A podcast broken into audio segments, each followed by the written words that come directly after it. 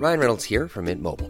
With the price of just about everything going up during inflation, we thought we'd bring our prices down. So to help us, we brought in a reverse auctioneer, which is apparently a thing.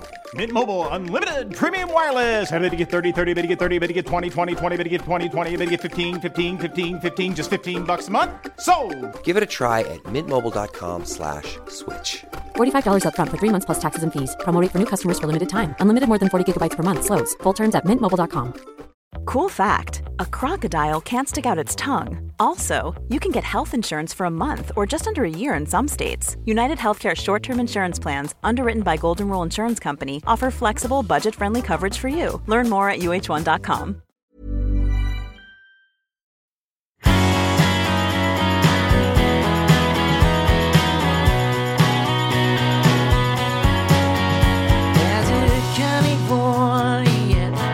löpa spår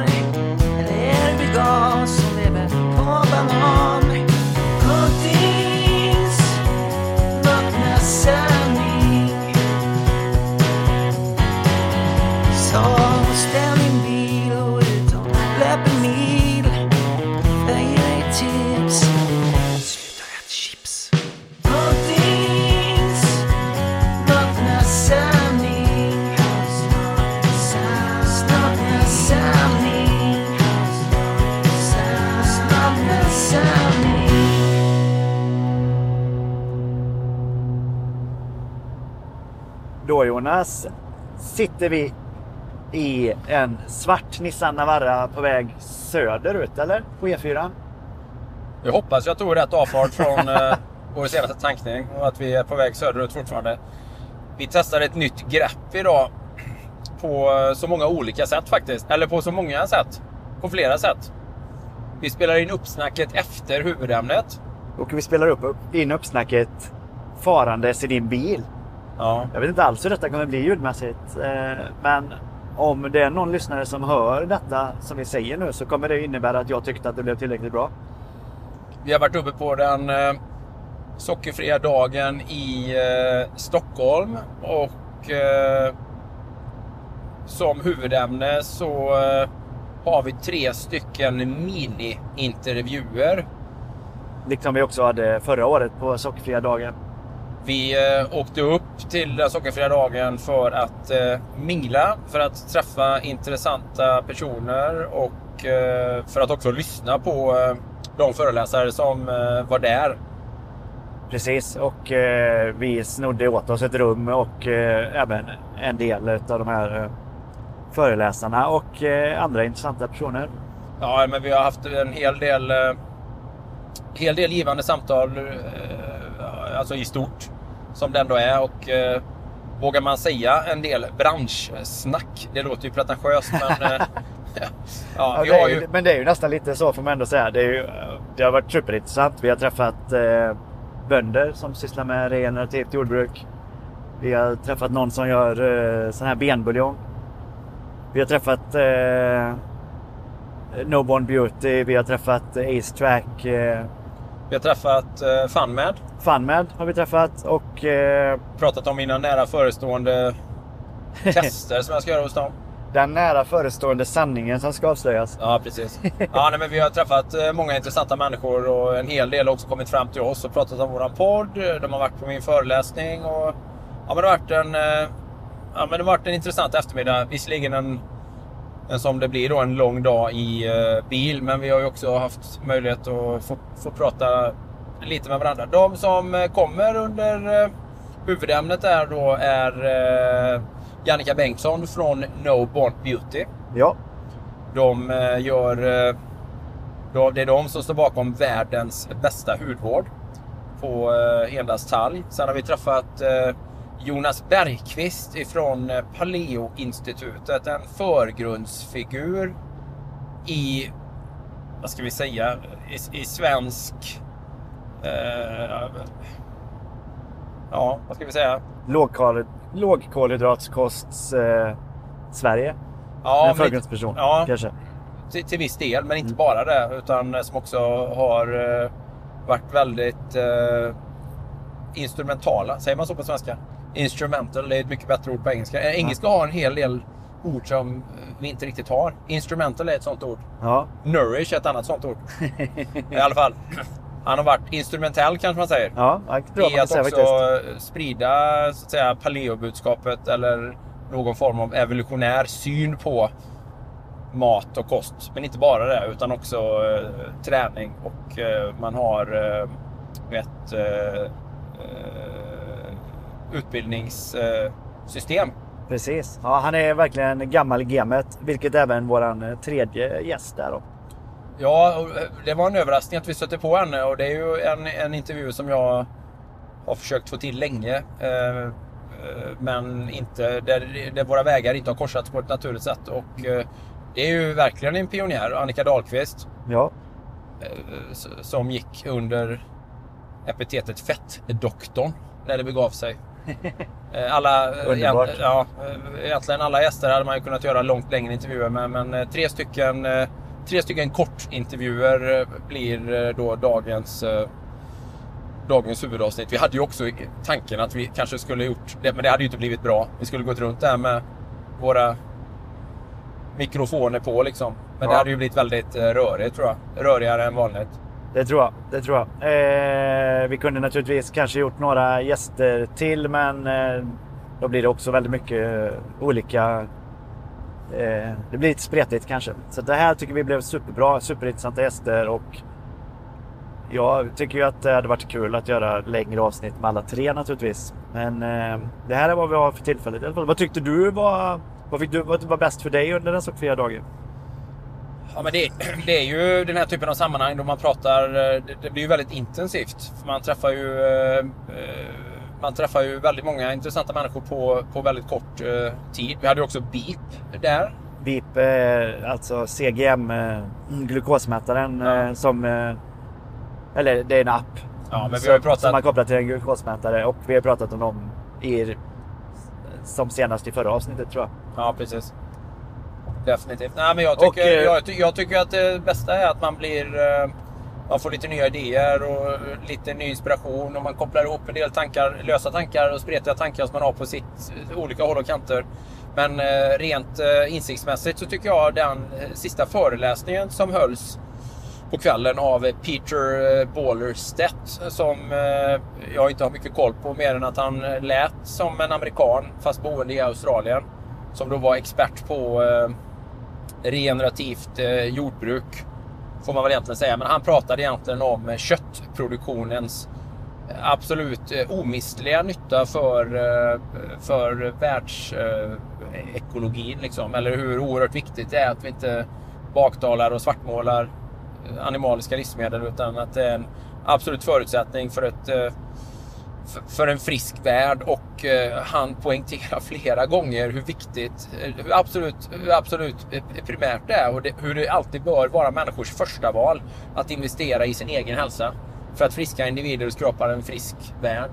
Precis. Eller hur Både- han nu uttryckte det. Ja, och en hållbar värld ur alla aspekter.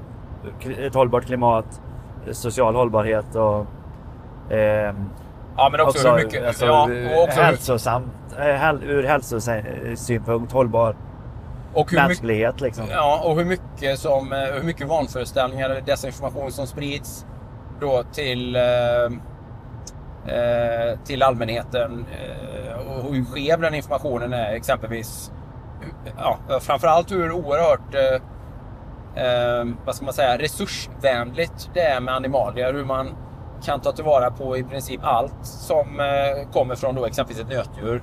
Medans eh, upp till 80 procent av eh, veg- ja, vegetarisk eller vegansk produktion, livsmedelsproduktion går till spillo. Alltså, av, eh, alltså det som slutgiltigt blir ett kilo vegansk eller vegetarisk mat eh, skapar eh, fyra kilo eh, avfall som inte är ätbart för människan hur, hur väl man än eh, vill att det ska vara. Och att eh, djurens uppgift då att äta upp det och att det är så det fungerar i en fungerande värld. Att eh, det finns eh, eventuellt lite grann av vegetabilier som vi kan äta eller delar av vegetabilier eh, av växter och grödor och sådär. Men att eh, resten ska omvandlas av eh, idisslande djur eh, som kan omvandla då maten till eh, nyttig biomassa för oss i form av kött. Precis, och hur mycket arealer och eh, ja, växtlighet, biomassa i form av växtlighet då, som finns på jorden som, där det inte går att odla mat som vi kan äta men där man då kan eh,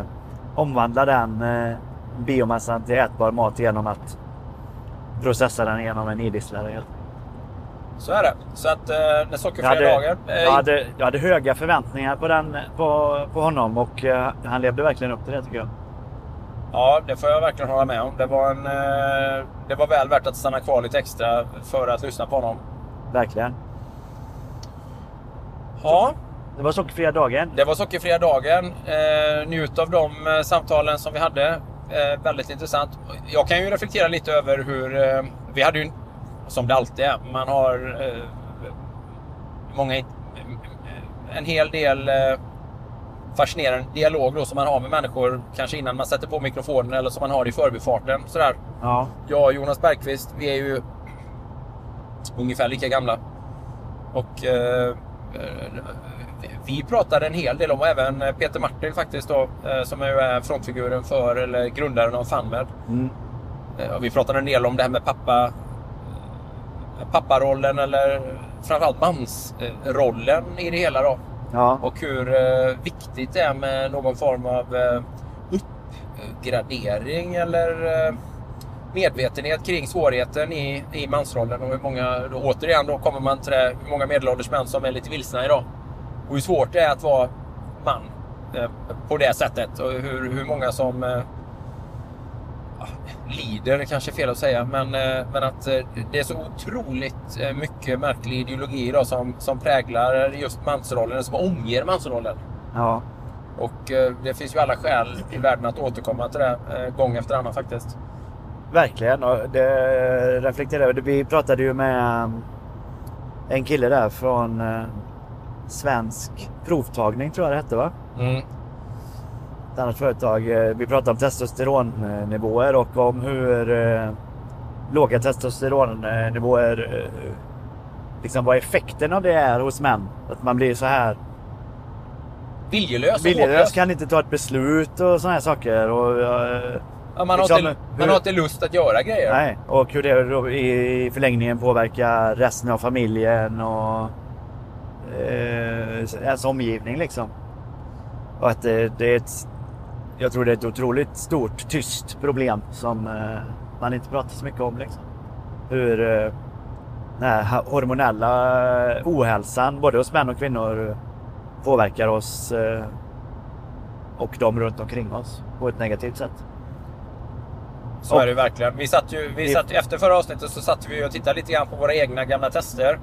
Som vi har gjort. Ja, Sådär och försökte hitta lite parametrar och eh, jag är ju väldigt eh,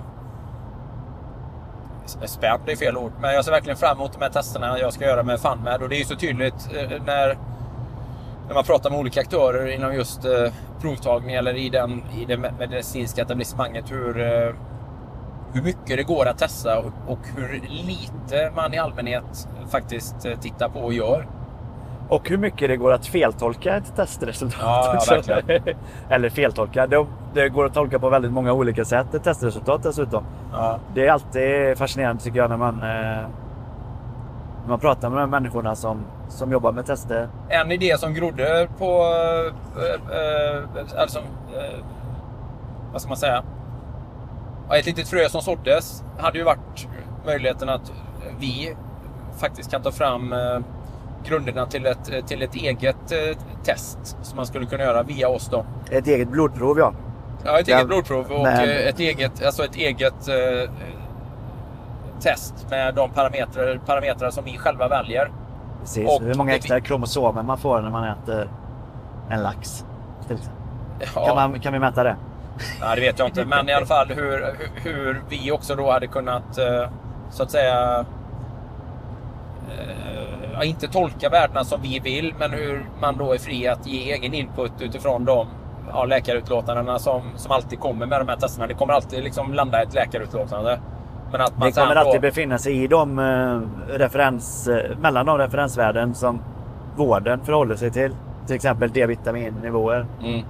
Eh, och en läkare och i, i, viss mån i alla fall bakbunden av, eh, av de referensvärdena när de ska ge en rekommendation eller någonting sånt där. Då. Men, eh, man kan ju, man man, kan ju fri, man, är, man, är, man är fri att diskutera eh, naturligtvis utifrån andra parametrar. Eller att man, har ju alltid ett fritt tolknings...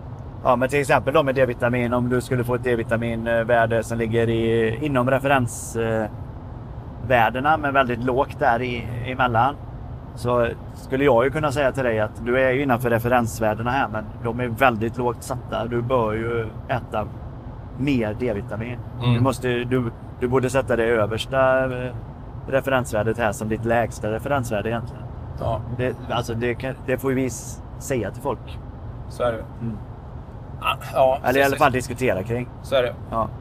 Annars så spenderade vi större delen av eh, resan upp till att, eh, till att eh, inte vilja prata med varandra om den här, det här som färgar allas vårt liksom, humör och känsla av vad ska man inte säga? Alltså, som förmörkar hela våra tillvaro för tillfället. Och det är ju det som hände nere i Israel i lördags. Precis. Hur, hur, vi, hur vi ville prata och, och med varandra om det, men att det var så obegripligt otäckt att prata om att vi kände att vi, vi, vi försökte lyssna på någon podd där man diskuterade det här, men att vi ville inte bli påminda mer om vad som faktiskt hade hänt. Nej, jag jag mår lyssnade så, För att vi har mått så, vi mår så dåligt när de här detaljerna dras upp. ja, verkligen. Jag lyssnade på lite grejer igår eh, eftermiddag. Vilket gjorde mig väldigt nedstämd hela kvällen. Och jag vet att jag gick och tänkte igår kväll. Det ska bli skönt att träffa Jonas imorgon så jag kan prata om de här grejerna. För min fru hon, hon eh, tittar ju inte ens på nyheterna. Jag vet inte om hon vet att det har hänt någonting i Israel. ens. Jag har inte frågat henne om hon, om hon har hört om det som har hänt i Israel. Ja, Elin, det har hon säkert gjort. Men, Ja. men och även om hon har hört om det så hon vill ju definitivt inte diskutera de här fruktansvärda detaljerna eller några andra detaljer kring det överhuvudtaget. Så jag kände bara igår kväll att gud vad skönt det ska bli att träffa Jonas imorgon och kunna prata om det här. Men när vi satte oss i bilen kände jag bara, jag vill inte tänka på de här. Jag vill inte ha de här bilderna i mitt huvud med, idag. Jag vill inte... För, för mig är det helt omöjligt när man hör det här om när det är barn som drabbas av någonting. Det är omöjligt för mig att inte sätta mitt eget barn där i bilden i mitt huvud. Ja. Att byta ut Ja. drabbade barnen mot mitt egna barn och det blir outhärdligt att tänka på liksom. Så att jag Ja, kände idag bara, och jag tror du kände det med. Att, Ja, nej, jag, hade velat, ja, jag hade velat skjuta det ifrån mig men samtidigt så... Eh, det, hamnar, det hamnar väldigt nära någonstans ändå eftersom... Eh, ja, men alltså... Därför att vi har människor i Sverige som, eh, som firar det här och som tycker att det här var en... Eller som vill relativisera det kanske man, man vill säga. Eller som... Ja, eller oförblommerat faktiskt, faktiskt firar den här attacken. Ja, Den här ja, slakten får man nästan säga. ja, Och jag får ju säga Niklas att jag är ju, man är ju alltid medveten om all den ondska som, som finns i världen och allt det outsägliga lidandet eller ja, re, ren och pur ondska som människor så att säga den ondska som finns och det obegripliga lidande och våld eh, som människor utövar mot varandra. Men på något sätt förskjuter man ju det och tänker att sånt hände tidigare. Man tänker så här, andra världskriget och koncentrationsläger. Man tänker på folkmord i olika sammanhang. Men någonstans vill man gärna tro att det var framförallt förr som det hände. ja när, man, när man hör om de beskrivningarna från just det här dådet så tänker man ju mer att det var medeltiden. Det, det var medeltiden ja. Att det, liksom, det är någon form av medeltida ondska. Att vi som mänsklighet har liksom kommit förbi det på något sätt. Och att eh, i den mån det händer idag att det är så här. Det är enskilda individer. Det är inte, det är inte liksom eh, sanktionerat av en organisation eller av en stat eller av en kultur eller av en religion eller utom i vissa liksom exceptionella, extrema fall. Man vill ju gärna tänka så och tro det. Man tänker på att en Anders Behring Breivik, en galen människa, liksom en, en, en, en störd människa som gör de här sakerna att det är en absolut outlier i sammanhanget. Ja, Men så landar det i en sån obegripligt fruktansvärd brutal verklighet att det är samtidigt. Vet jag har inte kunnat sluta tänka på att det här hände i lördags. Så tänker jag om jag gjorde, ja, det var samtidigt som vi var ute och sprang med våra simcampers i Borås. Ja. och hade en fantastiskt fin upplevelse. Livet, livet är jättebra, härligt och civiliserat och det finns en trygghet. Och att det var samma människor kanske som vaknade upp den morgonen i Israel i sina liv, i sitt sammanhang och hade samma förväntningar på tillvaron och inte ett ont anande och så liksom drabbas man av den här fullständigt outsägliga brutala ondskan bara. Ja, det är fruktansvärt. Och när man läser om det som har hänt och ser bilder på det så är det... Jag har väldigt svårt att ta in det och hantera det faktiskt. Känslomässigt. Det, det har förmörkat hela min... eh, Det har förmörkat hela min, mitt sinne, hela min själ. Liksom. Det har liksom nästan förtatt betydelsen av allt annat som man håller på med i sitt liv, tycker jag. Jag håller med dig. Det är, det är verkligen... Det blir samma sak för mig. Alltså... Jag tycker på ett sätt det, det är viktigt att eh, åtminstone läsa beskrivningarna av det som har hänt. Man kanske inte behöver titta på bilder om man mår dåligt av det. Men eh, att ändå känna till vad, vad som har hänt. Men det förmörkas otroligt. Men alltså jag, eh, jag blir så nedstämd så att... Ja. Jag vet man går bara... Eh, Var det, tror att man eh, är du sjuk? Nej, jag går och tänker på det här som inte vi kan prata om här hemma för att barnen är här och... Ja, nej, men jag, vet, jag försökte också prata med Elin om det, men hon vill, liksom inte, hon vill inte heller diskutera det. Eller för att hon vill skjuta det ifrån sig också. Hon bara, men jag, jag kan inte tänka på det för att det är, så, det är så fruktansvärt. Jag vill inte se på nyheterna därför att det här är så, det är så overkligt. Och det, det är så... eh, Ja, det är så fruktansvärt eh, ja, deprimerande. Det är ju, ett, det är ju, ett, det är ju ett under, det är ju en underdrift. Det finns liksom inget riktigt ord, ord för det i sammanhanget. Då. Nej men det är så många ord. Det är upprörande och Ja, men sen, fruktansvärt. men det sen är det outhärdligt, det är Men ohanterbart. sen landar det ju någonstans ändå i att, att vi har människor här i Sverige, här, här i, säkert, garanterat i Borås och i många städer som, som blir relativiserade eller som så här, som ja, men till och med vill hylla handlingen eller åtminstone, eller åtminstone förminskar eller intellektuella på alla plan, debattörer, journalister och så ja, vidare. Och, ja, det har man ju sett. och eh, det är också väldigt så här. Det gör ju mig väldigt rädd. Det skrämmer mig enormt mycket. Ja, det är upprörande. Det är svårt att veta hur man ska, det, det är svårt att veta hur man ska diskutera det. Eller hur man ska prata om det, eller hur man ska tänka runt det överhuvudtaget. Ju. Ja, ja verkligen. Eh, jag lyssnade på Aron Flam. Eh, han gjorde en podcast om det. Det är bara han själv som pratar. Han är ju jude. Och han är väl ganska insatt i, i frågan om man säger så med, med Israel Palestina. Såklart. Men eh, han sa att det mest förvånande i, i alltihopa var ju ändå att Magdalena Andersson fördömde Hamas handlingar liksom. Det har inte skett tidigare på det sättet från, Det är ju nästan från det svenska rö, röda blocket liksom. det är ju omöjligt att vara en svensk politiker idag och inte offentligt och inte offentligt fördöma det. Det, det går ju inte. Nej. det är ju politiskt självmord att inte fördöma det. Men både Magdalena Andersson och Nooshi har ju fått otroligt mycket kritik. För att eh, ja, de då ensidigt fördömde Hamas handling och inte samtidigt tog upp allt hemskt Israel har gjort mot palestinierna. Jätte, jättemycket kritik i kommentarsfält och sånt.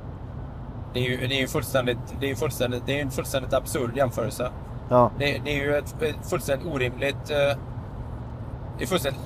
Ja, det, det är ju två... Det är ju två... Det är två helt olika saker. Det finns väl ingen... Det finns ju absolut ingen motsvarighet till den, till den, till den barbariska slakten. Det här är ju en ren... Det här är ju sånt som man tänker att... Liksom... Eh, is, i- Islamiska staten... Al-Qaida, liksom. Det är på den nivån man tänker att det här, det, det kan ju bara finnas ett litet, litet fåtal människor som är så sinnessjuka, störda, som är så förblindade av religiöst hat att man kan utföra den typen av brutala handlingar mot en annan människa. Och att inse att det, det finns tydligen så pass många att man kan rekrytera flera hundra ifrån en liten, liten del av världen som kan leva in i ett annat land och göra de grejerna. ja. Och Eh, att man har dem och att, och att man har i sina politiska led i de partierna, både i Socialdemokraterna och Vänsterpartiet, som eh, oförblommerat hyllar det här eller som fullständigt oproblematiskt ändå vill så att säga relativisera hela frågan. Ja, Ja, men det är en svår... Den... eh, Ja, den... den eh, det är svårt att, hant- det är svårt att ta in. Det är en svår konflikt att eh, ha åsikter kring. Och det är extremt svårt känslomässigt att bara prata om. Ja, fast samtidigt, samtidigt inte. Man ska inte gå i den fällan själv heller, tycker jag. Att, att så här, ja, men konflikten är ju en sak. Den är ju gammal som... eh, Det är ju, liksom en, gam, det är ju en gammal konflikt. Men det, det betyder ju inte att det finns någonting relativt kring det som hände i lördags. Att, Nej, nej, verkligen inte. Det är ju oavsett. Så är det ju helt jävla barockt. Hur man kan göra så mot en annan människa. Ja, i den, mängd, i den mängden som, Ja. eh, som den då hände och med det, den brutaliteten och den ab, absolut... Ja, men... s- Sadistiskt. Alltså, det finns inte, finns inte, finns inte ord som, som beskriver det eller som är tillräckligt... eh, Vad ska man säga? Målande. För att, hantera den. Jag lyssnade på en intressant podd, som, det kan jag verkligen rekommendera, där man diskuterar det här i detalj. Och det är ju Ivar Arpis eh, en rak höger där han diskuterar den här frågan med eh, Göteborgs-Postens eh, ledarskribent som också är av eh, judisk härkomst, eh, tror jag, som heter... Eh, han heter väl eh, Adam, eller han heter Zweiman i alla fall i efternamn. Ja, Och jag ja, med, med stor behållning läst eh, honom eh, genom åren. Han, han eh, skriver väldigt bra ledare, liksom hans, liksom hans kollega på Göteborgs-Posten, Håkan Broström. eh, Som för övrigt skrev ett fantastiskt inlägg idag, eller en fantastisk ledare i dagens Göteborgs-Posten om det här på ett väldigt sakligt och eh, uttömmande sätt. Liksom hur, hur vänstern verkligen behöver eh, rensa i sina, i sina led i Sverige. I alla de här, eh, så att säga, hur man, hur man har en oförmåga att göra upp med sina Alltså med sina eh, extrema falanger. Där man har extremismen i ja, de egna leden. extremismen i de leden Ja. i sammanhanget då. Men att hur man pratar om att den, den 7 oktober i lördags det var den värsta dagen för det judiska folket sedan andra världskriget. Ja. Det, det, det, och motsvarigheten till om det här hade... Alltså om man tänker så här, ja men det är alltså tio gånger Utöja. Man tänker en sån här, en extremt traumatisk händelse som Norge drabbades av då. Som, som har satt djupa spår i den, i den norska folksjälen. Hur det här var tio gånger värre, 20 gånger värre. Ja. Eftersom det här, är- det här är liksom, man har människor som fortfarande är tillfångatagna, som torteras och där man lägger ut bilder på de, på de tillfångatagna människornas eller de kidnappade människornas sociala medier när de torteras och plågas och så vidare. Alltså hur det här lidandet, det fortsätter och det, på, det pågår as we speak just nu. Ja. Och sådär, va? hur man pratar om det här, det här är på en skala som vi har ingen motsvarighet eh, till egentligen i, i, i modern tid. Eller ja, inte i alla fall på väldigt, väldigt länge. Nej. Sådär, va? Och hade det här varit ett angrepp på exempelvis USA så hade det varit motsvarande så här 42 000 döda om det hade varit ett angrepp på, på USA. Om man ser till liksom, hur litet Israel är i sammanhanget då. Ja. Ja, nej, den, ja, nej, det, det är otroligt dystert. Ja, det har verkligen färgat hela min sinnesbild sen, sen i helgen också. Och allt eftersom rapporteringarna har kommit fram och blivit tydligare och hur, hur den här konflikten nu eskalerar med enorma med sånt enormt lidande på båda sidor. Eh, ja, nej, men det, ja, men det är en väldigt mörk känsla jag bär med mig just nu faktiskt. ja, det är samma här. Och eh, jag tror jag måste... Ja, vi satte ju Man, på. kom, man kommer ju att, eh, att hålla sig uppdaterad men jag tror att jag kommer behöva så här, eh, fokusera det till en dag. Den här dagen läser jag i kapp och sen får det gå fyra, fem dagar innan jag läser igen om de här sakerna. För Ja, det, det är fruktansvärt blir det. Ja, nej, jag, Jag kan jag, inte göra något annat de dagarna. nej, jag, jag försöker också ja, men stänga det ute så, så gott det går. Och jag vet inte så här, jag vet inte hur man läker, jag vet inte hur man läker den känslan i sig själv. Liksom, mer än att krama sina barn extra mycket eller genom att vara... Jag vet inte. Hur, hur, kan man, hur, hur kontrar man all den här ondskan egentligen? På något sätt. Eh, alltså, i, i, i sig själv. Som en motvikt någonstans mot, mot det här enormt, enormt, enormt brutala. Och, och den ilskan som man också känner. Liksom. För det här är ju rörelser och strömningar som vi har i Sverige och som vi också försöker relativisera när man inte kan prata om vissa saker och där man blir anklagad, anklagad för att vara alltifrån då om man har, ja, islamofob till rasist, eh, till främlingsfientlig eller till SD-are. För att man vill lyfta den faktiska sakfrågan kring de här sakerna. Det, tror, alltså, det, det, det, det finns ju absolut självklara reaktioner hos människor. Hos, hos alla människor naturligtvis. Att det här hör inte hemma någonstans. Och det hör absolut inte hemma i Sverige. Nej, så är det ju verkligen. Och jag tror att eh, Och- och det allra man- viktigaste är ju att man får inte låta det hatet få ett grepp i sig själv. Liksom, I ens egna hjärta. Egna, ens egna hjärta. Ja, för mig, Ett för eget mig, hat. Och det är så jävla svårt för man, man känner ju känslor av hat i det här. För Det mig, för, för mig är det mest... För mig är det framförallt rädsla. Rädsla och, rädsla och sorg och mörker är, det jag känner mest. Ja. Jag har liksom ingen... Jag vet inte vad jag ska rikta min. Alltså, ja, men det är någon form av... eh, Ja, men det blir någon form av känslomässig stum, stumhet i detta. Ja, men då, eh, om, ja, som du säger, krama sina barn. Men kärlek, kärlek är väl mot medlet helt enkelt. Ja. För, för en själv. Men, men, Och- men, men samtidigt vikten av liksom, äkta, pragmatiska, verklighetsförankrade politiska samtal i Sverige. Där man verkligen där man måste lyfta upp detta och dra ett, dra ett streck i sanden och säga att vi, vi, man, det finns en absolut noll, det, måste, det borde finnas en absolut nolltolerans Ja. mot att acceptera den här sortens ska vi kalla det, yttringar eller, eller, eh, eller handlingar. Alltså, vi borde ha en absolut nolltolerans i alla offentliga rum i Sverige. Alltså i att relativisera det här. Och att relativisera all typ av ondska. Alltså, saker och ting hamnar ju verkligen, det kommer till en spets på ett sånt oerhört konkret sätt. När sånt här händer, upplever jag i alla fall. Ja, jag håller med dig. Och, och, och, och jag kan tycka att... jag kan tycka att... eh, Att... eh, det, det är som att nästan, nästan alla, förutom ett fåtal debattörer, har blivit nästan avtrubbade liksom, för att det här är för svårt att ta in. Det är, nästan, det är för brutalt för att kunna närma sig på något sätt. Det, det, är som en, det är som den värsta formen av medeltida, medeltida ondska. Så, och det, ja, det, det blir... eh, Ja, det är konstigt. Det kanske är att vi sitter, vi sitter och åker bil och det är mörkt. Det är och så mörkt, men, och, det är mörkt och snart natt. Och, Ja, men, men, eh, men, men just det här att man tänker så här, ja. Jag säger så här, i lördags hände det här, där. Där människor vaknar upp en vanlig morgon med sina familjer, med sina barn och ser plötsligt utbryter liksom det vä- värsta tänkbara helvete. Som man kan föreställa sig.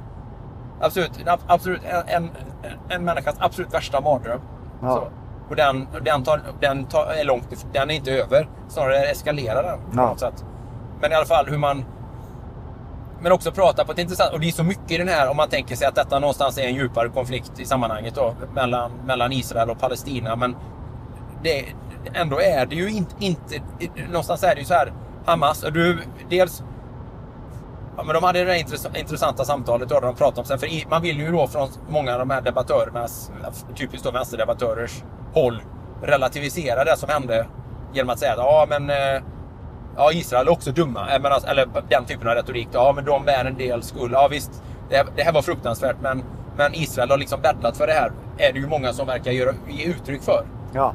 Men som, som eh, det blir väldigt tydligt då i den här podden, En rak höger, så har ju Israel, i Israel är ju de som på något sätt har försörjt Gazaremsan eller som har fått Gazaremsan ändå att funka. De har tillhandahållit eh, vatten och el och kraftförsörjning och bränsle och alla de här bitarna. De har varit liksom en väg in i Gazaremsan för förnödenheter och så vidare. Och, så vidare. och, och de har ju egentligen inte haft någon anledning att göra det egentligen. Nej. Och hur de skickade såna här, knack, äh, vet du vad kallar de det, tak, takknackar, eh, bomber först och innan de skickade sina raketer. Alltså så här, det är en form av varningssignal då tydligen då. Att nu kommer det komma en... Ja, någonting kommer, ger ut från byggnaderna och så vidare. Alltså här, I ett sätt att försöka bespara då civilbefolkningen från onödigt lidande eller onödig död. Eller vad Ja. man ska säga. Ja. Eh, och hur man liksom så här. Eh, ja, det är ju...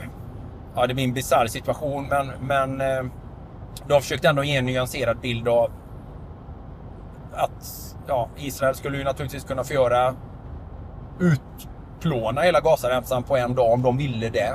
De har ju liksom... Israel är ju en kärnvapenstat. Mm. Eh, men har ju inte alls gå- gått så långt än. Men hur hela det här, det är en, det är en bisarr, det är en bisarr, det är en bisarr situation. Jag är absolut ingen expert på, på de inrikespolitiska, det, och det är ju väldigt få som kan säga att de är det fullt ut eftersom den är så oerhört komplex. Men du berättade ju för mig liksom det här att Hamas är ju liksom framröstat av i ett demokratiskt sammanhang i, eller, inte, eller Hamas är väl inte det som sådant eller? Så, eh, Så här, som, jag, ett som demokrat- jag hörde det, och detta är inget jag kan... eh, Jag har inte kollat upp detta själv, men som jag hörde det så är de framröstade i ett demokratiskt val. Och, och samma- att de gick till val på att avskaffa de- demokratin och att eh, utrota Israel. Ja, det, och det kanske är eh, hårt skruvade ord för, eftersom jag har hört det från en, en jude. Så i, ta inte mig på de orden. Men, men eh, man ser ju på många av de här bilderna att eh, det är ju inte det är inte bara Hamas-krigare som tycker att det här är bra när man ser hur de paraderar israeliska lik genom gatorna i Gaza. Folk är ju glada och spottar och slår på liken. Och folk känner ju glädje. Liksom. eller till och med på levande barn.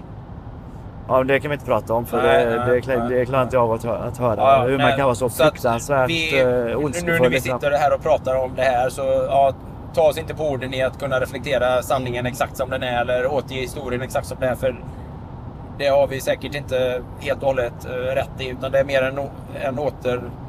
Jag mer återger i hur det samtalet gick eh, mellan Adam Zweiman och, och Ivar Arpi som säkert har långt mer koll på det här än, än, eh, än vad vi har. Men att... Eh,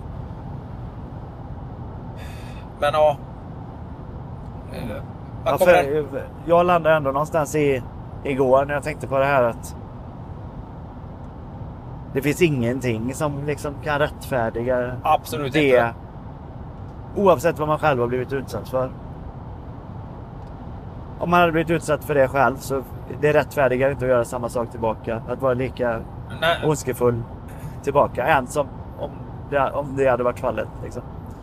Det är så... uh, nej, jag var det är Israel, så- det är Israel så- har ju mig veterligen inte gått in i, i Gazaremsan och eh, i blindo eh, skjutit ihjäl, torterat, våldtagit civila människor och skurit upp magarna på gravida kvinnor och tagit ut fostren och allt det brutala, fruktansvärda, fullständigt onämnbara som man har gjort. Det finns ju ingen, absolut ingen sån motsvarighet nej. i sammanhanget. Och Nej, hela situationen... mot- Hela, Motsvarigheten är ju de som du nämnde. Det är ju IS och Al-Qaida och liknande organisationer. Islamiska Jihad.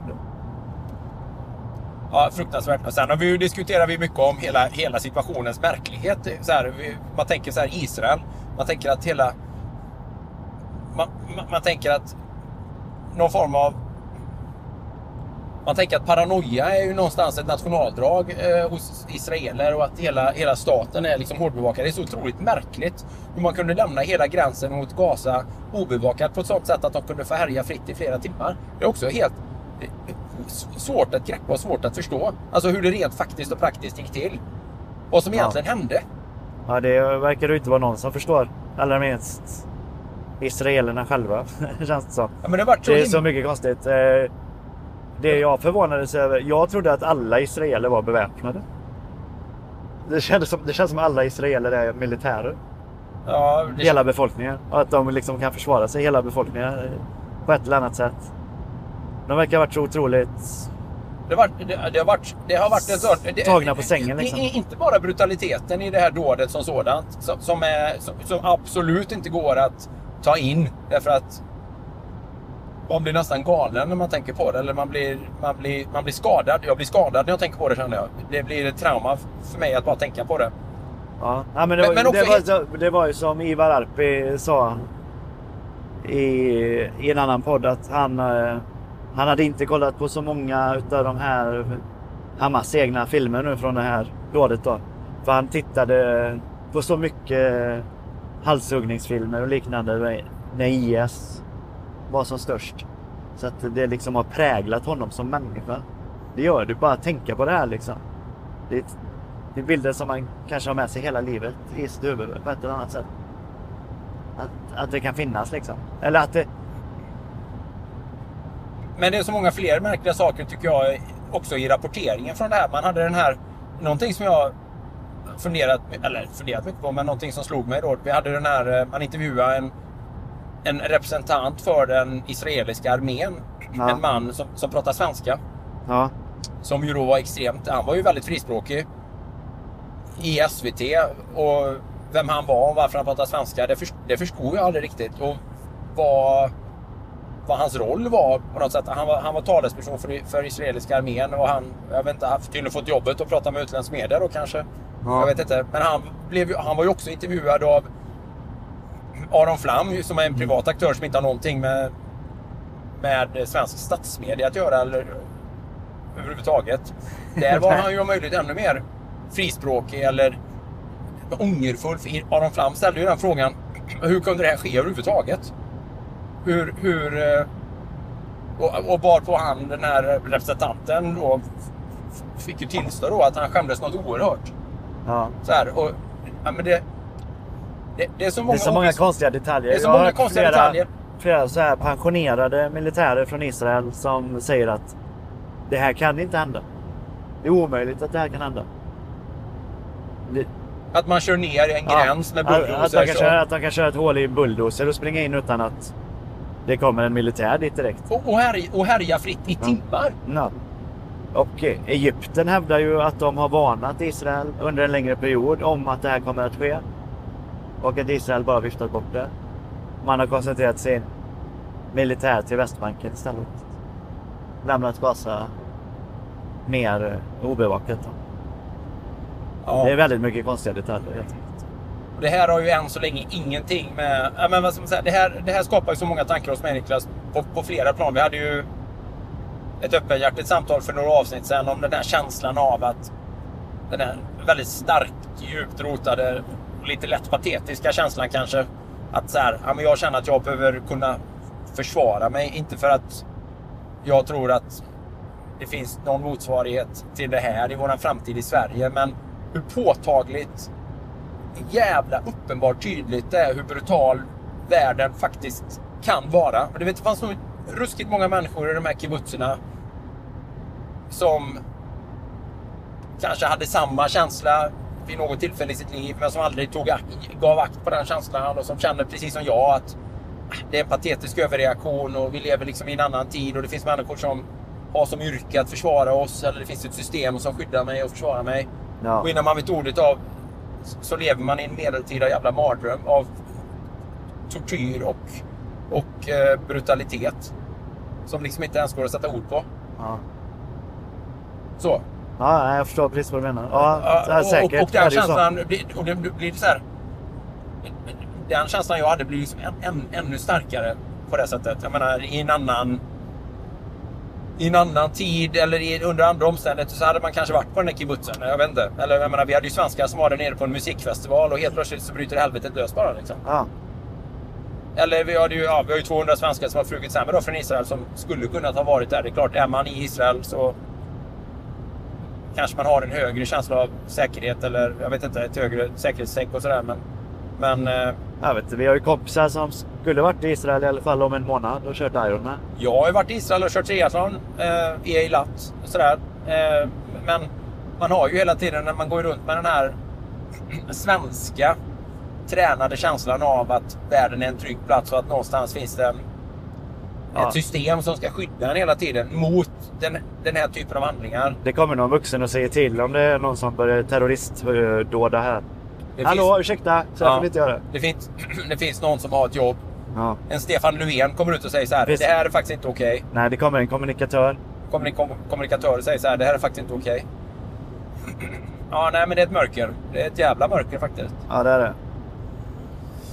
Eh, ja. Det, det är mörkare än natthimlen Nu, faktiskt. Precis, och nu när vi har pratat om det här så har jag ingen aning om hur vi ska växla spår från det här. Nej, det, Nej, alltså- det är omöjligt. Det blir ju så, bara, vi sa så här, ska vi prata om det här eller inte? Jag bara, okej, men vad ska vi vara för någon slags podd om inte vi pratar om sånt som är riktigt, sånt som är viktigt på riktigt någonstans? Vad, vad, om vi nu ska ha ett uppsnack där vi pratar om sånt som... Eh, där vi i allmänhet pratar om sånt som vi tänker på eller som händer i viss mån i världen eller som vi reagerar på. Det är ju helt omöjligt att inte tänka på detta. Det är fullständigt omöjligt att skjuta det ifrån sig. Ja. Och det hade varit ännu värre och ännu konstigare att prata om något, något annat, något roligt eller något där, vad ska man säga, något... I något, prata om något annat sammanhang som hade varit... Som inte är fullt lika allvarligt när det här är så otroligt genomgripande centralt liksom i, återigen i Europa. Du menar, det hade inte känts så eh, rimligt att prata om eh, hur jäkla krånglig Elins symaskin är att bära ner för trappan? Nej, nej, det kan man ju naturligtvis reflektera över. För det, den bar vi ju ner idag. Den var ju, den var ju, den var, det var en stor utmaning, men eh, den... eh, Ja. Men så som vår sinnesstämning har varit från början när vi träffades idag och som, hur det har präglat oss. Liksom, det räckte ju att vi bara växlade några ord runt det här så bara... Ja, så landar man ju i så här, "Nej, det här är så, det här är så obe- obegripligt ofattbart. Att, att eh, allt, annat blek, allt annat förbleknar ju i sammanhanget. Ja, verkligen. Just det här, man lever i den här lilla svenska bubblan av trygghet och säkerhet. Och det är så många gånger man inte man, man liksom aldrig reflekterar över vilken, vilken, vilken fullständig, unik och privilegierad situation det ändå är. I alla fall åtminstone i, i illusionen av att inget farligt kan... Det händer ju farliga och otäcka saker överallt i Sverige också. Ja. Naturligtvis, fast inte i den här skalan, inte på det här sättet. Inte så. Det här var ju systematiskt. Det här var ju liksom, det var ingen enskild galning som bara gick på en shooting spree. eh, Så, det var ju inte en Anders Behring Breivik som i sin egna sinnessjuka lilla värld liksom skapade ett inferno och, och tragedi. Utan det här var ju ett, det här är ju en systematisk... Det, det, det här är ju, finns en systematik i det här. Ja, Planlagt som inkluderar och, och många hundra människor någonstans. eller hur? Det- Det, det var ju inte jättemånga som gick ut på gatorna och firade och körde bildparad heller när, när Anders gick loss. Nej, verkligen inte. Nej. Nej, det är ju helt fruktansvärt faktiskt. Ja, vi... eh, Ja, Så vi får väl bara avsluta uppsnacket där och släppa in eh, våra gäster istället. Eh, ja eller vi får, vi får, ja, vi får, vi får liksom sätta punkt där för, för, för, för det här dystra eller så. Eller som man säger på nyheterna, ja nu, nu, nu lämnar vi det här. Så går vi vidare. Nu över till något helt annat. Ja, ja, men det är väl så man brukar säga. Eller som kungen brukar säga. Nu vänder vi blad. Nu, nu, vänder, vi, nu vänder vi blad i sammanhanget då. Ja. Jag har något mer du vill ta upp då? Nej, inte egentligen. Ja, det finns ju, man hade ju funnits andra saker att prata om också, men jag vet inte hur... eh, hur eh,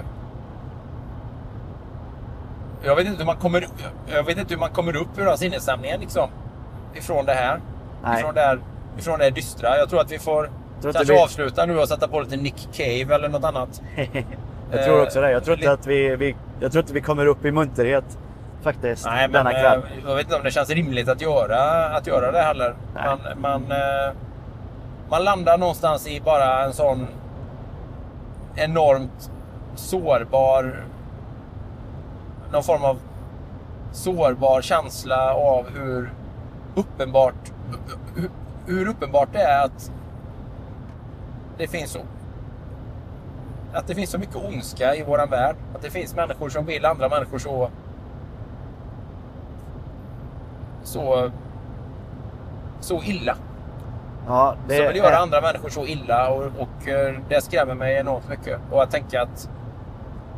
Och, och, och hur man tänker så, du gör ju det också Niklas, hur man skyddar, inte sig själv så mycket, men framförallt sina barn ifrån det.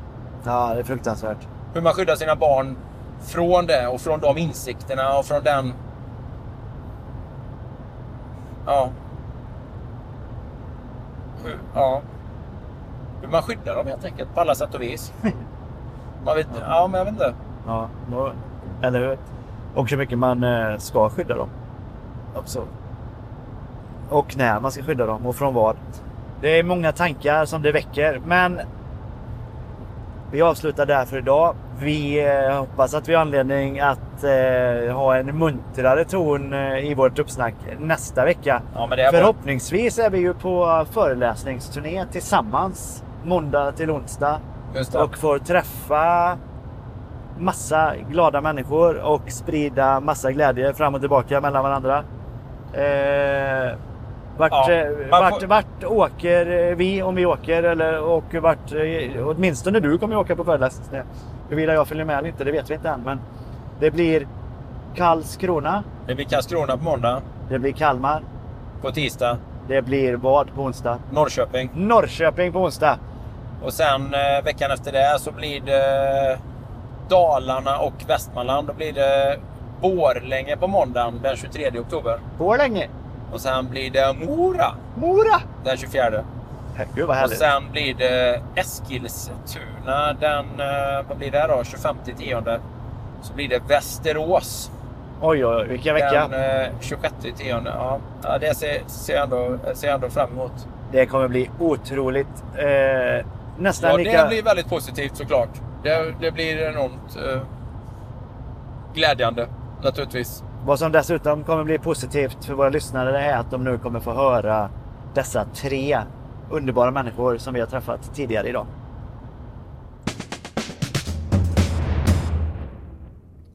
Ja Jonas, då befinner vi oss på den sockerfria dagen igen, precis som förra året. Och vi kommer köra lite små intervjuer med intressanta människor här, precis som den gången.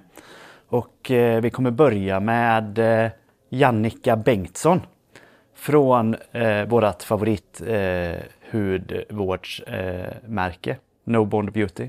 Ja, precis. Och eh, jag har ju varit en notorisk hudkrämsmissbrukare under större delen av mitt liv. Och i alla fall sedan jag började simma. För om det är någonting som eh, man får som bieffekt av att spendera timmar i klorerat vatten så är det torr, sådär sprucken, fnasig hud. Eh, Så att jag började använda hudkräm i, plus att jag är ganska torr i huden och har varit generellt sådär. Och, eh, först var det ju den här kletiga blåa Nivea som är som en mjölk på huden och sen har jag testat lite olika grejer. Det var Ett tag gick du och smörjde in dig i sån här avokadoolja. Ja. Så jag vet att jag fick tvätta mina kläder varje gång jag körde din bil. För ditt förarsäte var bara helt täckt av avokadoolja. var det så illa? Så illa var det. Ja, ja, ja, ja, ja, men det har varit lite olika. Ja, precis. Men eh, för några år sedan så, så kom jag i kontakt eh, med det svenska företaget No Bond Beauty. Som har svenskt nöttalg som huvudingrediens i sina produkter. Och jag måste säga att det finns ingen motsvarighet i någon hudvårdsprodukt som jag tidigare använt med kvaliteten i No Bond Beautys produkter. Jag blev ett omedelbart fan. När var det? Det var nog eh, två, två och ett halvt år sedan, kanske. Ja, det måste det Eh, vara. Så mycket som du har tjatat om No Beau- Beauty Ja, och, sen, och jag, blev, jag blev ett omedelbart, omedelbart fan och jag har aldrig haft en så eh, frisk och ung hud relativt sett som jag har haft jag använder det. Ja, men det är sant faktiskt. Ja, det är fantastiskt. Så, va? och eh, eh, Jannica, kan inte du berätta lite grann om vad som gör era produkter så enastående och er resa? Hur började ni med det här? Hur tänkte ni egentligen? Nej, men vi, både, det är ju Sandra och jag, Jannica, som, som driver No Bond. Och eh, vi började vår hälsoresa och det... Eh, vi gick Eh, och läste till kost och hälsocoacher på Paleo institut och eh, blev ju varse. Vi har gjort vår hälsoresa helt enkelt. Och hud är liksom bra hud, det kommer ju inifrån.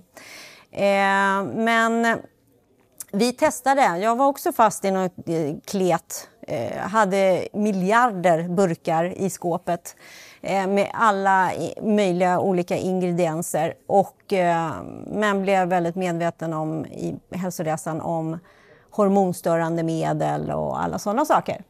Så vi eh, köpte hem från Australien, USA, Tallow Balm och insåg då att herregud, vi kan inte hålla på och eh, köpa ända därifrån. Utan, Var det utan tillsatser och sånt i då också? ja, det var det faktiskt. Eh, Och ni, men ni testade detta och så Vi kände, ni kände testade. att det här var en stor skillnad i kvalitet? Ja, det, var så, det var så otroligt stor skillnad. Det var, liksom, det, det var huden eh, liksom åt den här krämen. Det var liksom inget smet utanpå.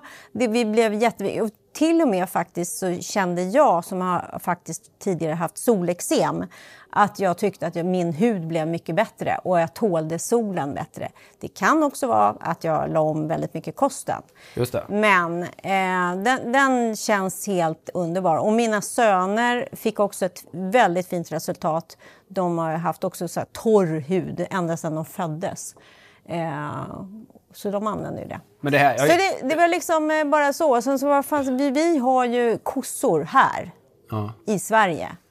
Eh, så varför inte? Vi, vi, eh, ja, vi började producera hemma i källaren och eh, körde igång helt enkelt. Och det var ingen annan som använde talget till något då heller? Så det var, kanske var det lätt att sourca talg? Eller vad, vad men sa alltså, bönderna när ni kom? Bönderna får ju betala för att slänga eh, det fina fettet som är talgen, nöttalgen. Eh, och eh, det fanns ju, vi började att ta från ett eh, företag som säljer köttlådor med eh, alltså gräsbetat kött. Eh, så då tog vi talgen där och började rena den. den är ju, det är en lång process att rena ta- talgen. Eh, så det var så vi liksom började. jag älskar att du uttrycker det som att huden åt den här krämen. För det är precis så jag uppfattar också. Ja.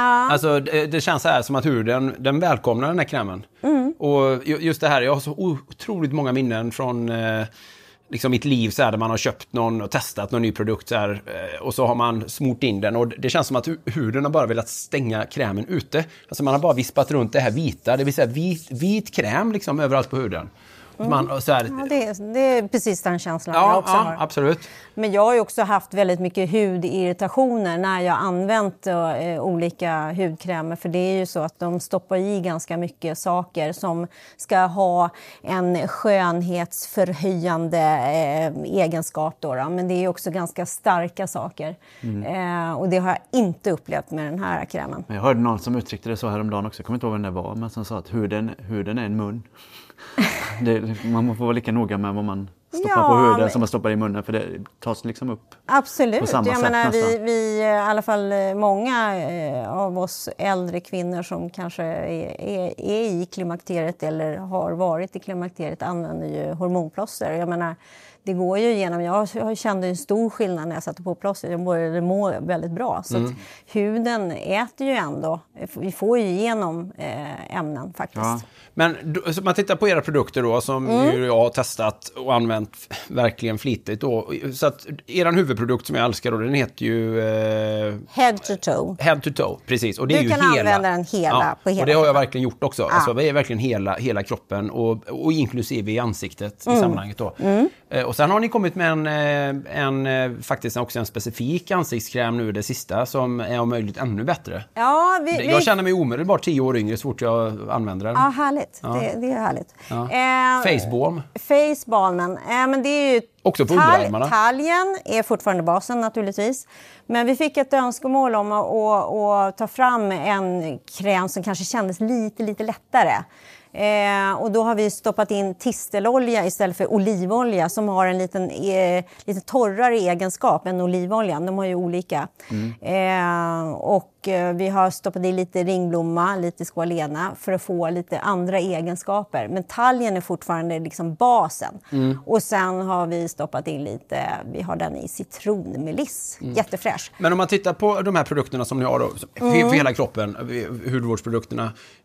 Ta, talg är basen och det, är liksom, det, finns ingen, det finns inte en enda kemikalie i de här produkterna. Nej. De är, så, de är ju så organiska att man skulle egentligen kunna äta dem faktiskt, om det Mm. knep. Ja, den naturella eh, har vi faktiskt satt på våra burkar. Den är ätbar. Så Min, den är ju... Mina barn har ätit av alla smaker tror jag faktiskt. Okej. Ja.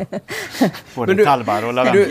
du, det här med att använda hudkräm, det är ju naturligtvis är det ju så att eh, går man in i vilket toalettskåp som helst eh, hos, hos en tjej, kvinna, dam så hittar man ju oerhört mycket hudvårdsprodukter naturligtvis. Och sådär. Det är ju en väldigt tjejig grej, kvinnlig grej att hålla på och smörja in sig och sådär. Och Jag tror de flesta killarna, jag tror de flesta, många män antingen inte gör det, kanske borde göra det, men man gör det lite så här, man är väldigt, man skiter ganska mycket i sin hud och så här i sammanhanget kanske. Och man kanske smyger också, Ja, tar man- lite där i de där Ja, nu har det väl kommit burkarna. mer och mer att vara lite noggrann Ja. med sin, kanske med sin hy framförallt i ansiktet då. Finns det någon skillnad där i manlig och kvinnlig hudhy till att börja med? Som, som, gör, liksom, som relaterar till kvaliteten på era produkter? Mer än att ja, huden åldras ju naturligtvis när vi blir äldre. Vi har inte tänkt eh, riktigt så faktiskt med våra produkter, att det ska, att det ska passa. Liksom. Vi, vi kör talg passar all hud. Mm. Det spelar ingen roll om man är kvinna eller eh, man. Men, men eh, alltså, du gillar ju tallbarsdoften. Det är kanske är doften då i sådana fall som vi sk- skulle kunna liksom... Men eh, se att det finns fler grabbar som eh, beställer tallbar då. Just doften. Eh, men alltså facebalmen är ju jättepoppis bland alla killar också. Så Ni- jag vet inte. Jag, vi, har vi har inte gjort någon skillnad på manligt och kvinnligt. Nej, precis. Jag, ja, men jag använder den här. Jag tar, jag, tjejer kanske vill ha mer specifikt för... Nu gissar jag bara. Man vill ha Ja. någonting specifikt för ansiktet. Så har man någonting för det och Ja, det var ju för det önskemålet. Det kom från kvinna faktiskt. Många gånger ja. kanske det är någon sån här hudkräm som ska vara underlagskräm för smink eller sånt där också kanske. Jag vet inte. Ja, precis. Men, men också, det är ju en resa det där man kan göra. Alltså man kan ju verkligen rensa i skåpen. Ja. Och se till att man har bra grejer i, i skåpet istället. Eh, vi gör ju också en deodorant eh, som är... Skulle jag använda vanlig deodorant, jag har testat, då kliar det under armarna. Men det gör det inte med den här. Ni har ju gett er in i ett, i ett segment, ett affärsområde här som ju är, det är ju en mega, mega mångmiljardindustri naturligtvis. Eh, Man tänker sig kosmetika, hudvård och så vidare. Mm. Vad, vad får ni för reaktioner från branschen? Vad har ni, vad har ni mötts av för reaktioner, för, eh, liksom, vad, för intryck? Eh, Alltså, är, ni så små, Nej, men- är ni så små än så länge så att man liksom inte bryr er om er? Eller, eh, Nej då, vi- vad, vad, vad, vad, säger de som är liksom kännare och experter på det här? Alltså fortfarande är det ju så att det är ju väldigt mycket vegetariskt, man ska vara vegan eller något så, i den branschen. Eh, nu kanske jag har en förutfattad mening här, men vi har faktiskt varit med på några sådana beautymässor och sådär. Och då upplever jag att det är en del som kan tycka att det är, eh, känner lite äckel. Äckel runt att det är liksom eh, från nötkreatur, att det är talg från så. Samma som man eh, då Eh, som vegan ungefär kan, som- kan känna lite äckel att äta djur. Precis. Ja. Precis. Och då vill man, nej, nej, nej, jag är vegetarian och jag är vegan, nej, då kan jag inte smörja in mig. Men faktiskt, det är några stycken där ute som har börjat använda det. Så jag, alltså jag tror att det kommer mer och mer. Det är i alla fall väldigt många som köper våra pro- produkter. Men utifrån ett kvalitetsperspektiv, så här, om, man, om man, om man nu man skulle recensera er eller man skulle ranka er. Liksom. Alltså, när man, man ser ju alla de här hypade annonserna, hypade reklamen, och beauty, elixir, liksom. Det ena med andra, men det är ju, det är ju rena kemikaliebomben i, i alla avseenden. Så kommer ni med den här enastående produkten som huden bara vill äta upp av helt och hållet och ekologiska och naturliga gjort, ingredienser. Ja, nu har vi gjort så tester också på vitamintester. Så det finns ju helt naturligt i talgen så är det vitaminer i. Som andra eh, produkter eh, sätter, alltså producenter Tillsätter. som tillsätter i hudkrämen för att det ska finnas där. Det är A, D, E och, och så vidare. Och, eh, men det finns naturligt, vi behöver inte tillsätta något. Och det ekologiska eller det miljömässiga avtrycket från era produkter måste ju vara liksom en absolut pluseffekt med tanke på att i alla andra sammanhang är det ju, det är ju kemikalier, det är väldigt mycket liksom en fabriksprodukt, det är en extremt processad och raffinerad produkt, hudvård generellt. Ja. Och ni använder ju ett, en grundprodukt, eller en råvara som egentligen går till destruktion, som man förstör egentligen, eller som man ska Ja. slänga. Ja. Ni återanvänder någonting som redan finns och tillsätter sen då bara helt och hållet naturliga ingredienser. Det känns ju som en oerhörd win-win. Eller det Mm. Ja. finns någonting väldigt attraktivt i det också. Alltså någonting så här som man, som man kan kritisera alla andra hudvårdsmärken för. Jag menar ert, ert avtryck är ju, inget, är, är ju plus och deras är minus. Nej, och det, och det vi liksom har tittat på i skönhetsbranschen så är det stora laboratorium och det är liksom, eh, ja, väldigt många ingredienser. Eh, men vi tar ju vi tar talgen från eh, några som heter Haghults Kossola, ett kopensionat. Eh, och eh, det är det finaste, finaste fettet som vi liksom renar bara med vatten egentligen. Det är i och för sig en lång process men eh, lite omständig. Eh, Gör ni är det, liksom- själva eller får ni hjälp med det från någon? Eh, som det ser ut nu så är, gör vi det mesta själva. Ja. Helt själva. Så att, eh, det är ett hantverk. Det är en gammal hantverkstradition Ja. faktiskt som vi har tagit upp. Du, men jag vill höra lite grann om vad era kunder säger. Alltså, jag är ett stort fan och, är klar- så- som, eh, och väldigt uttalat ett stort fan och är väldigt inne på helheten naturligtvis. Då. Talg och animalier är ju superbra. Men när ni får de här medelålders äldre kvinnorna som kanske har varit konsumenter av det mer, det mer liksom raffinerade hela sitt liv och så får de testa era produkter. Vad, vad får ni höra? Ja, eh, vi, vi har fått otroligt fina recensioner. Så att, eh, gå in på hemsidan och titta lite. Vi har lagt upp faktiskt många av de recensioner som vi har fått. Eh, det är allt från akneproblem, det kan vara hudproblem, det kan vara bara att man vill ha en ren produkt och inte behöva känna att man ska använda sådär många in, eh, ingredienser.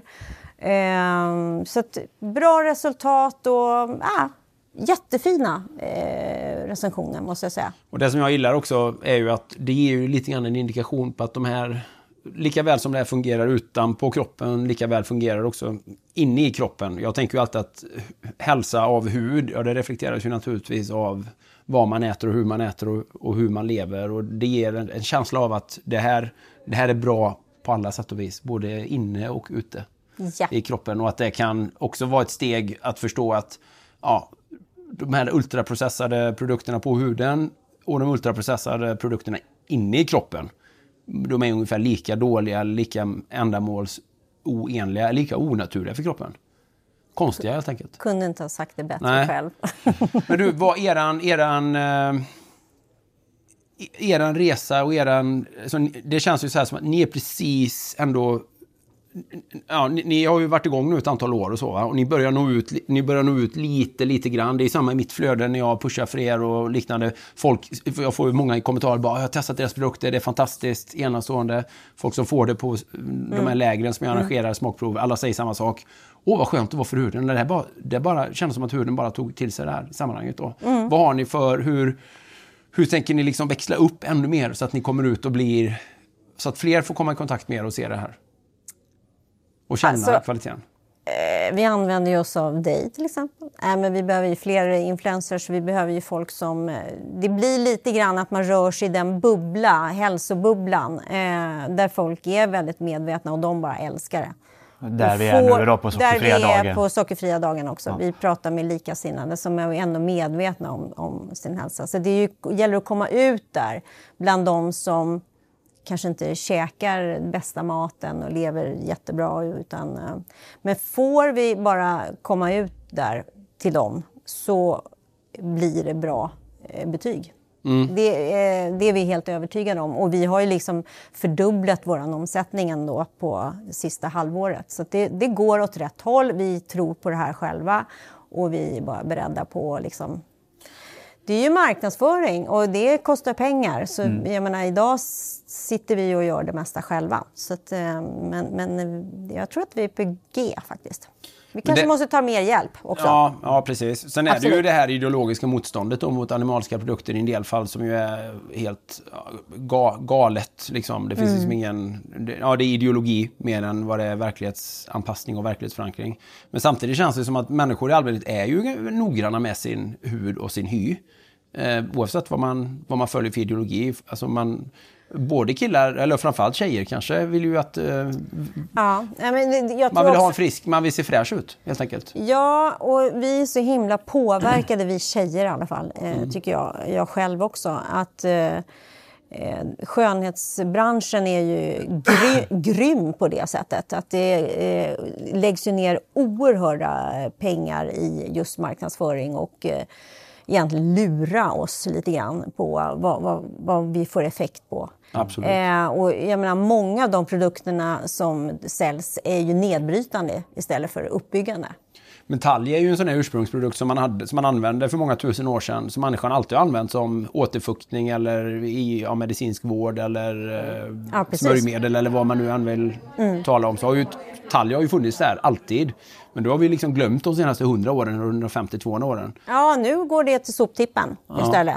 Eh, eh, men eh, så att, nej, jag tror att det är på upcoming. Ja. Jätte, jättekul. Alla som kommer på min föreläsningsturné här de närmaste veckorna kommer få ett litet smakprov från eh, No Bond Beauty som Sandra och Jannica eh, generöst bidrar med. Och även på simcamp och liknande så får man en, eh, får man en, liten, present, en liten presentburk. Och en liten rabattkod. Ja, en liten rabattkod också, också. så man kan köpa det till 15%. Och jag tror att det är ganska många där ute som inte vet att Alltså, det har blivit så märkligt i hela världen att man, man vet inte ens att man kan använda talg som en riktig hudvårdsprodukt. Att det faktiskt går att göra någonting som både luktar gott, eh, som huden älskar och som, eh, som fungerar precis som det är tänkt att det ska fungera. Nej, Eh, så eh, det är nog en ögonöppnare för, för många, tror jag. Att, Nej, nej, alla, alla där ute får hjälpa till och, och liksom få ut eh, vårt namn och våran kräm. Ja, och miss- prova, prova. Missa så ska ni inte se. No Born Beauty. eh, Och svenskt, svenskproducerat. Svenskt. Olivoljan är inte svensk, den är från Spanien. Vi kan inte producera det ännu, men det vet man inte. Men talgen är svensk. Det är ju Talgen är, och det är den som är basen. i all akt och mening en svensk eh, produkt. Om eh, bara fiser lite mer så kan vi snart eh, odla oliver här uppe också. Ja, precis. Eller hur är det? ja, tack så jättemycket för att du eh, var med. Tack så Eh, jättemycket att jag eh, fick Din vara med. kollega var precis här och sa att du måste gå tillbaka och jobba. Jag är Oj. ledsen att meddela dig för hon Ja, ska det är göra något bara annat. att Så, kavla, kavla upp. ja, Mm. så det är bara att köra på med nästa gig då. Tack för att du var med och eh, No Born Beauty hittar man på No Born Beauty. .se. Härligt. Tusen tack. Tack. Ja, som sagt Jonas, den här veckan har vi ju med oss i vanlig ordning eh, Svenskt kött. Den här intresseorganisationen för egentligen alla Sveriges köttproducenter. Precis, det här är en varumärkesoberoende organisation och dessutom en mötesplats för alla de som vill diskutera, inspireras av kött eller lära sig mer om svenskt kött och alla de mervärden som finns runt svenskt kött. Och eh, ägarna bakom eh, organisationen är bland andra då Svenska köttföretagen, Lantbrukarnas riksförbund, Sveriges nötköttsproducenter, Sveriges grisföretagare och Svenska fåravelsförbundet. Inga lättviktare med andra ord. De eh, skapar mängder med arbetstillfällen. De förvaltar ett eh, kultur, ett kultur och kunskapsarv som är oerhört värdefullt för oss i Sverige. De skapar arbeten på glesbygden och de skapar förutsättningen för människor i Sverige att äta lokalt och regionalt producerad mat året runt. Under EUs strängaste lagstiftning gällande eh, så att säga djurhushållning. Vi har exceptionellt bra kött i Sverige. Vi har ett, Eh, ett produktionsled som också stärker biologisk mångfald, som stärker ett ekologiskt kretslopp. Och det är bara att ta en tur runt på landsbygden vilken dag som helst under vår, sommar och höst. Så ser man alla de här djuren som eh, bidrar till just det. Bara tanken på att det skulle försvinna eller att det skulle vara dåligt är nästintill Ja, det är en logistisk eh, tankevurpa på så många olika sätt. Verkligen. Eh, de har ju det här märket från Sverige. Det finns ju typ så här mejerier från Sverige eller bara från Sverige. Det finns på mjöl och allt möjligt. Och så finns det kött från Sverige naturligtvis. eh, En variant. Eh, Det är nog en, eh, en egen verksamhetsgren nu just den här märkningen. Men det låg väl under svenskt kött tidigare tror jag. Jag hade velat ha en sån där det bara stod köttätare från Sverige. Som jag kunde ha på min, min jacka eller något. Ja, vi, ja, precis. Vi ska inte glömma att alla de här djuren är naturvårdare. Djur som betare, det är de bästa naturvårdarna. Är man mån om den svenska naturen och den svenska ekologin så, så ska man gynna svensk köttproduktion. Man ska gynna alla de eh, lantbrukarna som strävar på och som ser till att artrikedomen frodas. Djurens trampande, deras betande, deras gödslande är avgörande för att nu naturen ska kunna fungera som det är tänkt. eh, I, s- s- s- så som naturen det. Djur och natur går eh, hand i hand i alla avseenden. En annan sak värd att lyfta och som verkligen eh, eh, så att säga är till fördel för det svenska köttet är ju att vi har den lägsta antibiotikaanvändningen i hela EU. Så att det visar ju på att vi i Sverige har verkligen tagit höjd för att göra detta på bästa tänkbara sätt för alla inblandade parter. Från djurens egna väl och ve till producenterna, till avtrycken på, på natur och miljö och för oss konsumenter. Så det finns alla goda skäl i världen som helst att eh, supporta svenskt kött. Och hemsidan är väldigt intressant att besöka. Svenskkött.se minus, eh, ja, svenskt med ord om svenskkort.se. Det finns eh, mängder med tips om eh, hur man kan köpa och tillaga kött, eh, olika kötträtter, hur man kan bredda sitt köttätande till att också inkludera inälvsmat naturligtvis, hur man kan eh, eh äta de här produkterna året runt på bästa tänkbara sätt och eh, hur, eh, eh, så att säga, hur hela produktionen går till om man är eh, full av så att säga, mytbildning runt det här. Jag har ett fantastiskt tips. Ja. Om man går in på svenskkott.se så i den här menyraden längst upp så går man på kontakt. Ja, Så får man en sån här meny som rullar ner och där finns beställ och ladda hem som en rubrik. Så går man in där så kan man hitta styckningsschema för gris, nöt eller lamm. Skitsnygga planscher med styckningsschemat för de här olika djuren. Kostar 20 spänn att ladda ner som pdf. Så kan man eh, printa ut det och ha på väggen i sitt kök hemma. fantastiskt. Ja, de är jättefina. Jag vet att du har dem i något megaformat, för det har jag också. Ja, definitivt. Ja. Eh, det är ett tips som man bland annat kan göra där då. Härligt, för Ja. att supp- supporta speciellt kanske de svenska grisuppfödarna nu. De har ju det stressigt eh, i dessa svinpestdagar. Just det, just det, precis. Härligt! Svenskkött.se. Tusen tack! Nu sitter vi här på Sockerfria dagen med Jonas Bergqvist som eh, eh, driver Paleo-institutet, eller, eller hur Jonas? Ja. ja. Det stämmer va? Det stämmer, ja. Precis, jag vet att tidigare hette det väl, vad hette det? Vet du vad, det har haft eh, tre olika Ja, namn. eh, ja. Men det, det föddes ju 2008, så det, Ja. det är ganska gammalt. Men du är i alla fall en av de, eh, liksom, du, har varit, du är en av de mest, du är en av trotjänarna i svensk hälsorörelse, som vi kallar så, speciellt i det här sockerfria, paleo, om nu får använda ett väldigt tråkigt ord som jag ogillar, men typ stenålderskost.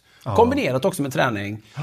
Du, du har varit verksam där väldigt länge och du, och du eh, har utbildat oerhört många människor i, i landet. Ja. Kan inte du berätta lite grann om den långa resan och vart vi är idag i den här rörelsen? Ja, ja, men det har varit en ganska häftig resa. Jag själv eh, på ett personligt plan börjar ju fatta det här med människans evolution och vårt ursprung. Vad är vi genetiskt designade för? eh, Runt millennieskiftet.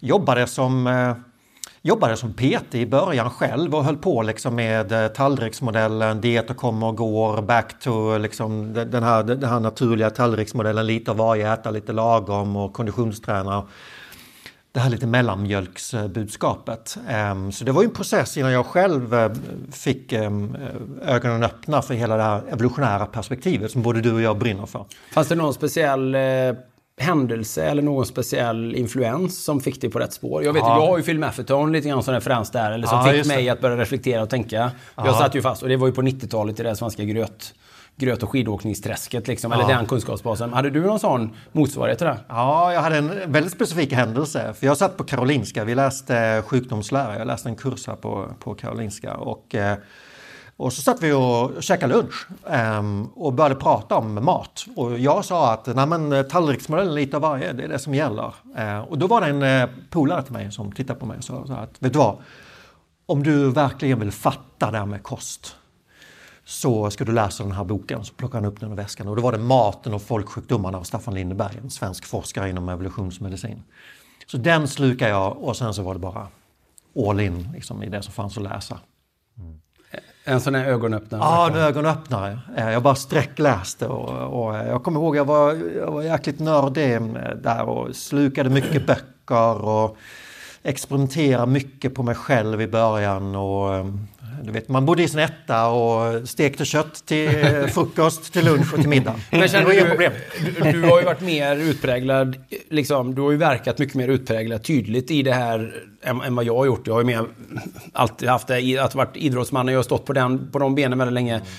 Men vad tycker du, hur reflekterar du över det motståndet som du måste ha mött då? Eftersom du var, du, du, du liksom läste ju akademiskt, du var verksam i den här världen.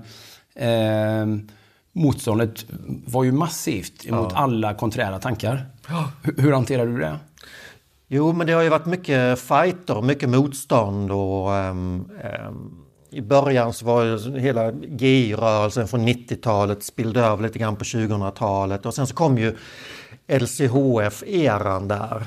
Ehm, och den vågen var jag ju med på med utbildningar och föreläsningar och den började ju där 2008 någonting. Så då var det jättemycket lågkolhydratkost, fokus på metabol hälsa. Sen så Sen därefter så, så kom ju paleo ordentligt. Det blev många crossfit-gym här i Sverige, många bar paleobudskapet. Det kom från lite olika håll och sådär. Då blev det ju ganska mycket i media i mitten av 2010-talet där. Nu, nu har jag, vet vad, vet vad som har hänt? Jag har stått och funderat på, ska jag, ska, ska, jag, ska jag döpa om det? Ska jag ha ett neutralt varumärke? Alla säger att jag ska ha ett neutralt varumärke, för alla förknippar paleo liksom med sina fördomar. Det handlar bara om, om kött och, och gå omkring med en klubba i naturen. Men nej, alltså det här är ju, det här är ju min värdegrund. Det här är ju liksom basen. Absolut. Så jag står upp för det här namnet, det här perspektivet det är tidlöst.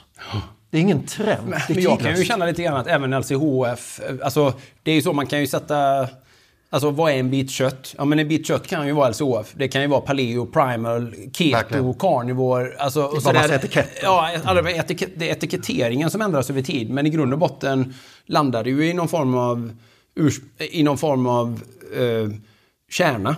Ja. Så här, ja, men det här handlar om mänskligt ursprung och evolution och så här. Det är bara att vi i Sverige, jag har inte så många bra namn på det. Man landar i så här löjliga ord som stenålder då. Ja, som ja, är så här, eh, men paleo, paleo, paleolitisk eller primal.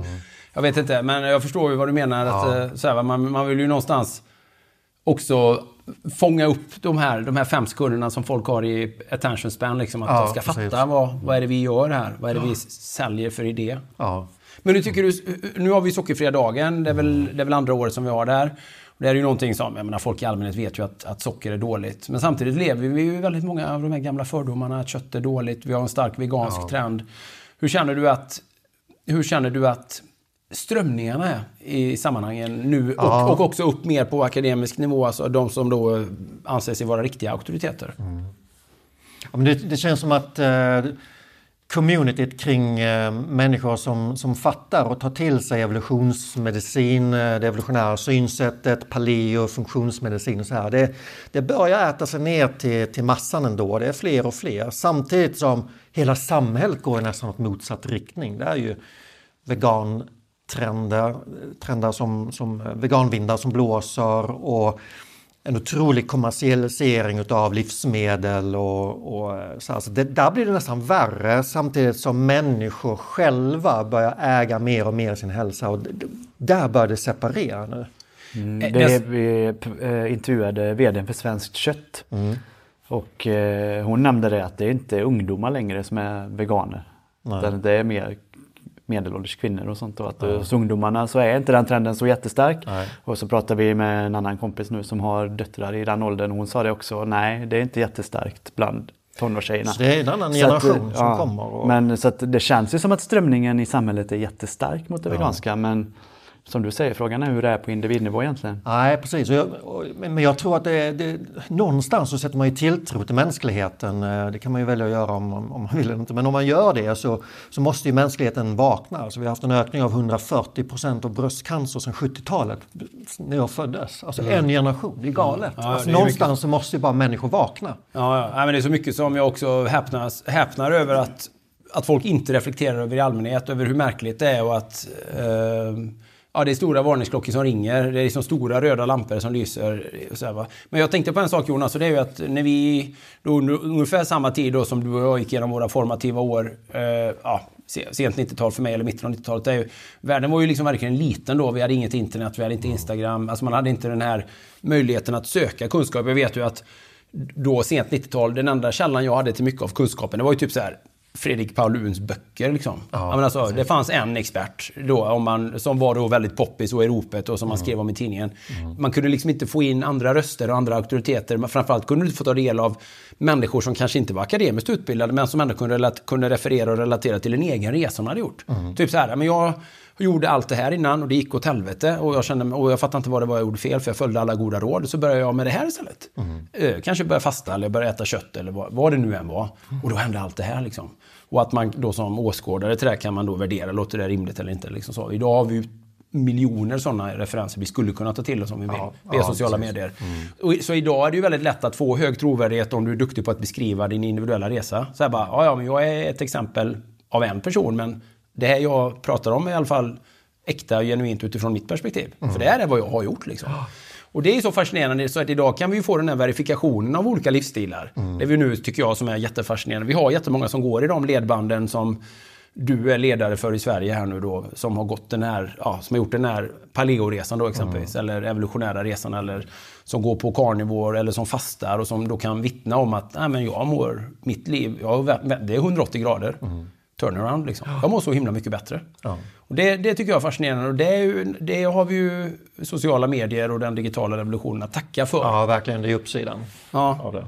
Att man, det kan man liksom dela sina upplevelser på ett helt annat sätt. Att, Och det urholkar ju lite grann av de traditionella auktoriteterna också.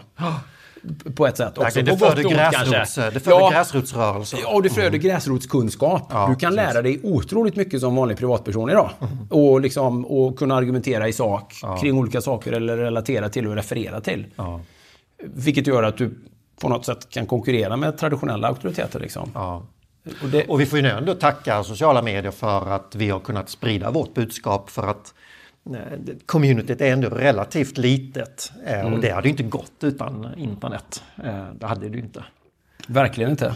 Nej. Men du, vi pratade om lite grann innan vi satte på mik- mikrofonen här. Vi ser så här, vi ser olika strömningar i sammanhangen och så, men någonting som är nytt idag tycker jag, det är ju att mat, eh, mat och livsstil då, mat och träning eller då namn på det då, paleo. Vi har så himla mycket ideologi också förankrat till de bitarna idag. Liksom att det, är mycket, det handlar mycket mer än bara så här att, ja men är det här nyttigt för mig att äta eller inte? Mår jag bra av det här eller inte? Om jag ska äta detta. Idag är det så mycket nästan politisk ideologi förankrat till de olika livsstilarna. Eller så här, det här är ett manligt sätt att äta på och då Ja, är det dåligt. Ja. Och det här är ett vänligt sätt att äta på. Eller, Och det är också det är, det är någonting nytt att förhålla sig till. till. Eller hur känner du kring de Ja, verkligen.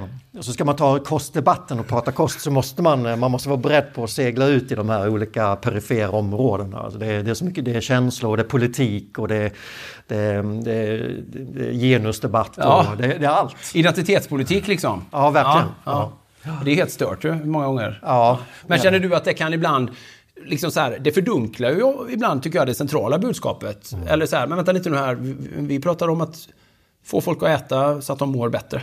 Ja. Så att de mår bättre bara. Ja, man måste ju vara tydlig med att säga att eh, rent hälsomässigt, rent näringsmässigt och så för man de argumenten.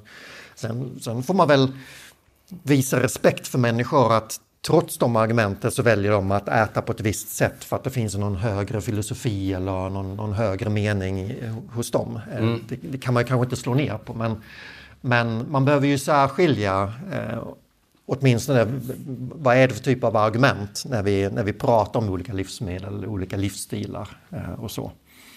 Ehm, Men det är ju fascinerande med människor att, eh, precis som du säger, det är identitetspolitik och vissa är ju så fast i sin identitet så att det spelar ju ingen roll. Det spelar ingen roll vilka argument du har utan de har ju bestämt sig. Ja. Det går någonstans djupare än, eh, än eh, fakta och det, det handlar, ja, identitet går ju djupt. Det sitter ju hårt hos människor många gånger. Ja, absolut. Ja, men man blir väldigt rotlös. Ja, men ja, folk är rotlösa idag och söker, söker liksom tröst i någon form av ja, nästan sekt. Men jag, jag kan ju tycka- tillhörighet. Ja, tillhörighet, Tillhörighet, ja. eh, Men jag kan ju tycka att det är typiskt sådana som du och jag eller den typen av eh, mat eller livsstil som vi förespråkar. Det är ofta vi som får klä skott för den typen av kritik. Ja. När, när- vi bara, ja, hang on liksom, här, vi försöker bara... Vi kommer ju med någonting som är testat över tid här. Vi är ju tillbaka i någonting väldigt grundläggande ursprungligt. Det är ju vår moderna värld som är konstig. Det är ju vår samtid som är super, super märklig. Ja. Och det är, hur, känner du att du får liksom ofta... Ja, men alltså när du tar debatten eller när du... När du någonstans ska landa i att diskutera och argumentera eller att övertyga folk. Liksom, vart känner du att du behöver börja i allt det här? Liksom, Ja. hur, från vilket, liksom så här, vart blir din bas i diskussionen? Liksom? Nej, men det kan ju, ett exempel kan ju, kan ju till exempel vara att eh, eh, som, som eh, kött, inälvsmat som är det absolut näringsrikaste vi kan äta. Det gäller ju både män och kvinnor men vi har ett manligt attribut kring det. Ja.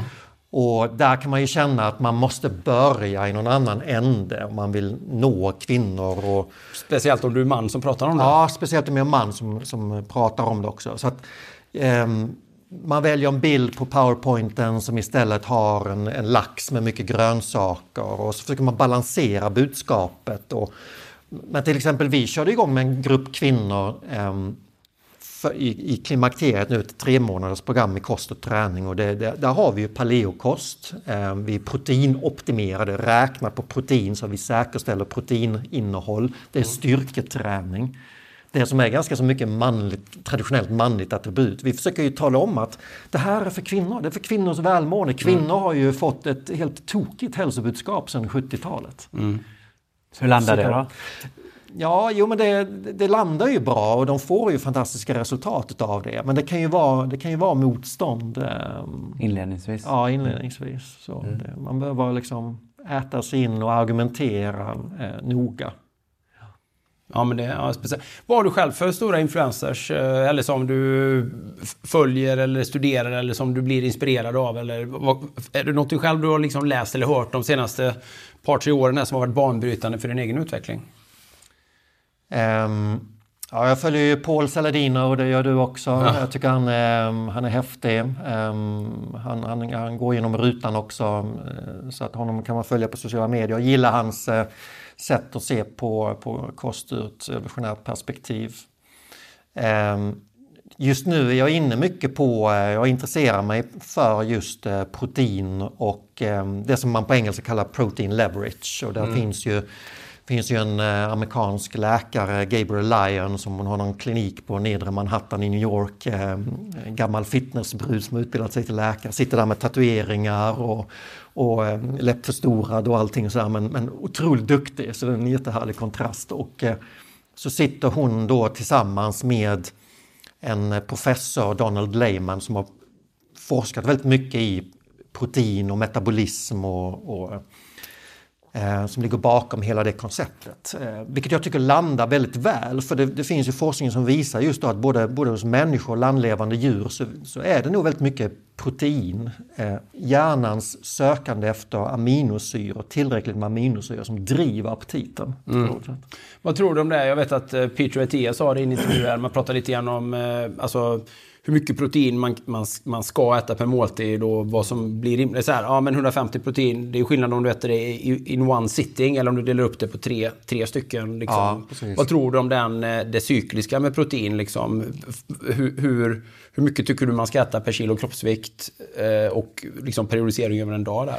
Ja, nej, men Har du en uppfattning om det? Ja, enligt den här Protein Leverage så pratar de ju om eh, eh, någonstans 1,4 till 2,2 gram per kilo kroppsvikt. Och det går ju säkert för, för många att kliva över där också, Mm. men det är åtminstone dubbelt upp eh, jämfört med eh, myndigheters rekommendationer. Och, och då pratar du såklart fullvärdigt protein. Ja, Såklart. animaliskt Det blir fullvärdigt protein. protein. Ja. Precis. Ehm, sen, eh, sen så skrev jag själv ett litet kort blogginlägg eh, för ett par veckor sedan. Just, då, då var det en studie som tittade på vad händer om man eh, intar ganska lite protein till frukost, eh, lite mindre till, till mellanmål och sen så äter man då den här stora eh, steken till middag så att man tar majoriteten av, av proteinet till middagen. Jämfört med när man tar samma dagsmängd men man spär ut det på frukost, lunch och middag. Då ökar det då ökade metabolismen med 25% när du spär ut det. Så det är ju dit, det är dit jag drar det lite grann i mitt budskap att vi ska, liksom, eh, eh, vi ska sprida ut proteinintag under dagen. Ehm, det, kan finnas, det finns ju fantastiska fördelar med att fasta. ehm, men om man vill bryta den eh, proteinnedbrytningen, alltså muskelnedbrytningen som sker, så är frukosten egentligen det viktigaste måltidet för, för, för proteinintag eftersom man haft nattens fasta. Ja, du menar i allmänhet? Ja, I allmänhet. Ja. Ja, Sen kan man ju välja och, liksom och, och så stoppar man in fasta lite då och då men när man väljer att äta måltider runt om en dag så kan man bevaka sitt eh, proteinintag. Jag tänker liksom att ett, ett bra protein, en, en proteinrik middag, alltså typ den här ja, typiska då, köttmiddagen och stek är väldigt bra eller värdefull liksom för den återhämtning som sker under under natten då, att Ja. den, proteinsyntesen då under natten. Då. Samtidigt som det driver lite urinsyra så man blir lite, kan bli lite mer kissnödig och sånt där. Ja, precis. Och så här, det finns ju aspekter av allt naturligtvis då, men eh, ja, det viktiga är vad man äter när man äter. Ja. Inte, inte, ja, inte bara när man... Det är ju många delar i detta. Ja, verkligen. Ja, men Jonas, det är superkul att prata med dig och alla ni som vill eh, följa eh, Jonas närmare eller är intresserade av vad han eh, eh, gör till vardags i sin verksamhet. Då kan man gå in på din, eh, ditt Instagram eller er hemsida. Ja, Som är jonasbergqvist.se eller paleoinstitute.se. superbra. Kul! Nu ska vi gå in och lyssna på din föreläsning Jonas. Ja, det är intressant. tack. Tusen tack. Då är vi fortfarande på den sockerfria dagen och vi hade den stora glädjen och äran att få springa på en av förgrundsfigurerna eh, när det gäller det temat som det handlar om. Sockerfritt ätande och sockerfritt levande. Eh, Dr. Annika Dahlqvist. Du är ju känd, eller var känd, blev, du blev en superkändis i Sverige. Runt 2005 eller? Ja, 2005, 2006. Det här är ju tid... Ja, det här är Ja. tiden innan Instagram och innan sociala medier. Och, Mm. och eh, du, fick en, eh, du fick ett otroligt stort genomslag i media. Mm. Du var på Mm. löpsedlarna flera gånger i veckan under en period. Ja. Du, du var den tidens eh, Agnes Wold kan man säga. Fast mycket bättre. Ja. Eller hur? Du, kan inte du berätta lite Annika? Det måste, för det första, det, måste, det här måste ju kommit som en chock för dig. Liksom vilken enorm uppmärksamhet det, det fick. Ja, Och hur känd du det, blev. Det är svårt att säga för att jag tyckte väl att jag var värd det. Ja, ja att, du gjorde, eller, rätt, Ja. att du gjorde bra saker. Ja, ja. Men, men att det blev så är ju konstigt. Eller hur? Ja. För det enda du Och gjorde var ju... måste- Ja. Jag berättade ju om mig och, och, och vad jag hade insett om maten. Och eh, ja, alla blev intresserade. Och det fanns ju, det fanns ju ingenting av det här tidigare. Nej. Utan det var ju det här fettsnåla och kolhydratrika kostråden. Det var ju liksom grundmurat och det fanns ingen vad man märkte som ifrågasatte det. Nej. Så att om, om, för, för du jobb, jobbade du som distriktsläkare under den tiden? Ja, ja. Och du hade själv lite problem med övervikt? Eller Ja, hur, började den här resan för dig Annika? Du började med att du förändrade din egen mat först, eller? Ja, precis. Och jag hade ju problem då med övervikt som inte ville ge med sig. Och jag åt fettsnålt och jag åt kolhydratrikt istället då. Och godis var jag inte rädd för. För det är ju bara socker och det är ju ofarligt. Och eh, Och vad var det som fick dig på andra tankar att du skulle testa något nytt? ja, det var ju min dotter då som var med i en, en grupplaboration i sina studier som, till läkare i Umeå. Och de provade olika bantningsdieter. Och, och då fick de välja vilken de ville äta. Och hon valde då lågkolhydratkost. Då kallar man väl den Atkins på den tiden, va? Ja, nej men det, det, Atkins var ju ett fult ord för det hade ju få, blivit så ned, nedsablat av etablissemanget. Utan det var lågkolhydratkost som... Och då skulle man äta mindre än tre eller, nej, viktsprocent kolhydrater. Det är så länge sedan så jag kommer inte ihåg alla detaljer. Nej. Och, eh, ja, och då hade hon gått ner tre kilo den veckan. Och jag som hade nu kämpat med min vikt i, i 20 år, eller 40 år, jag eh, blev ju jätteintresserad. Men först måste du reagera som vilken annan läkare som helst. Nej, det här låter inte klokt. Eller vad tänkte du från början? utan jag var ju så nollställd i och med att jag inte lyckades Just det. Med mina strävanden. Du hade dina tvivel, den här moderna maten kanske inte riktigt funkar så bra som. Precis, det hade jag. För att det, någonting är fel. Mm. Fast jag hade inte kunnat sätta fingret på vad som var fel. Och nu kände jag en fingertoppskänsla att det här kan vara lösningen på, på problemen. Ja. Ja. Och vad hände då? Ja, då började jag på min vårdcentral med, med patienter och rönte ju en väldig framgång. Ja, men dem. du gick ner mycket i vikt själv då först? Och jag gick ner i vikt samtidigt. Ja. Jag gick ner ett kilo i veckan. Och, och, och mådde mycket bättre. Ja. Och blev fri från mina krämpor. Jag hade ju liksom alla möjliga krämpor innan. Ja. Ja. ja men Smärtor och liknande? Smärtor i kroppen, typ fibromyalgi, ja, urinträngningar, urinläckage, eh, leder, Ja. muskler, smärtor, stelhet Precis. och IBS. ja, just det. Det var väl det som plågade mest.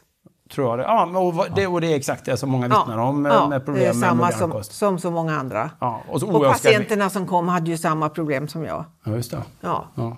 Och, eh, Började du uttryckligen rekommendera lågkolhydratskost då? Ja, Och, och, och jag skrev ju ett kostprogram då. ja. Vad tyckte dina kollegor om det då? Ja, de var, jo, de var, det var ganska mycket positivt intresse i början. Ja. Men sen var det ju någon som kom på att det här är ju inte vad, vad överheten före, förespråkar att ni ska göra. Och det var ju en privat vårdcentral som jag jobbade på. Och, och då så, så förbjöd de mig. men dina patienter mådde ju bättre. Ja, Och jag tänker så här, vårdens, vårdens uttryckliga huvudmål borde ju vara att hjälpa sina patienter. Någonstans borde ju det vara Mm. Ja. det gyllene snittet för att man jobbar bra eller effektivt. Typ Ja. våra patienter blir friskare. ja. Men det dög tydligen inte då. Nej, utan det, i och med att det var mot all, anna, all annan propaganda om hälsa. Ja. Och vården gick ju ut på att skriva recept på mediciner. Men, dina, men vad, vad sa dina patienter här? För de, de måste ju blivit nöjda att de hittade ett sätt Ja, att äta på. de och så. tyckte ju det var fantastiskt. Ja. De som vågade Mm. och ville. För vissa hade ju svårt att, att skippa kolhydraterna och, och vissa hade ju svårt att, att stå emot vad alla andra sa. Ja. Ja. Kommer du ihåg, eller minns du någonstans den första artikeln som skrevs om dig? Det måste ju varit i lokaltidningen då gissar jag. Ja, i lokaltidningen. Och då skrev hon om det jag berättade. Och sen så, så kom det väl en ruta efteråt. Då hade de frågat Livsmedelsverket. Och de sa nej, nej, nej, nej, det där är helt fel. Så då, då eh, tog, de ju, tog ju tidningen tillbaka.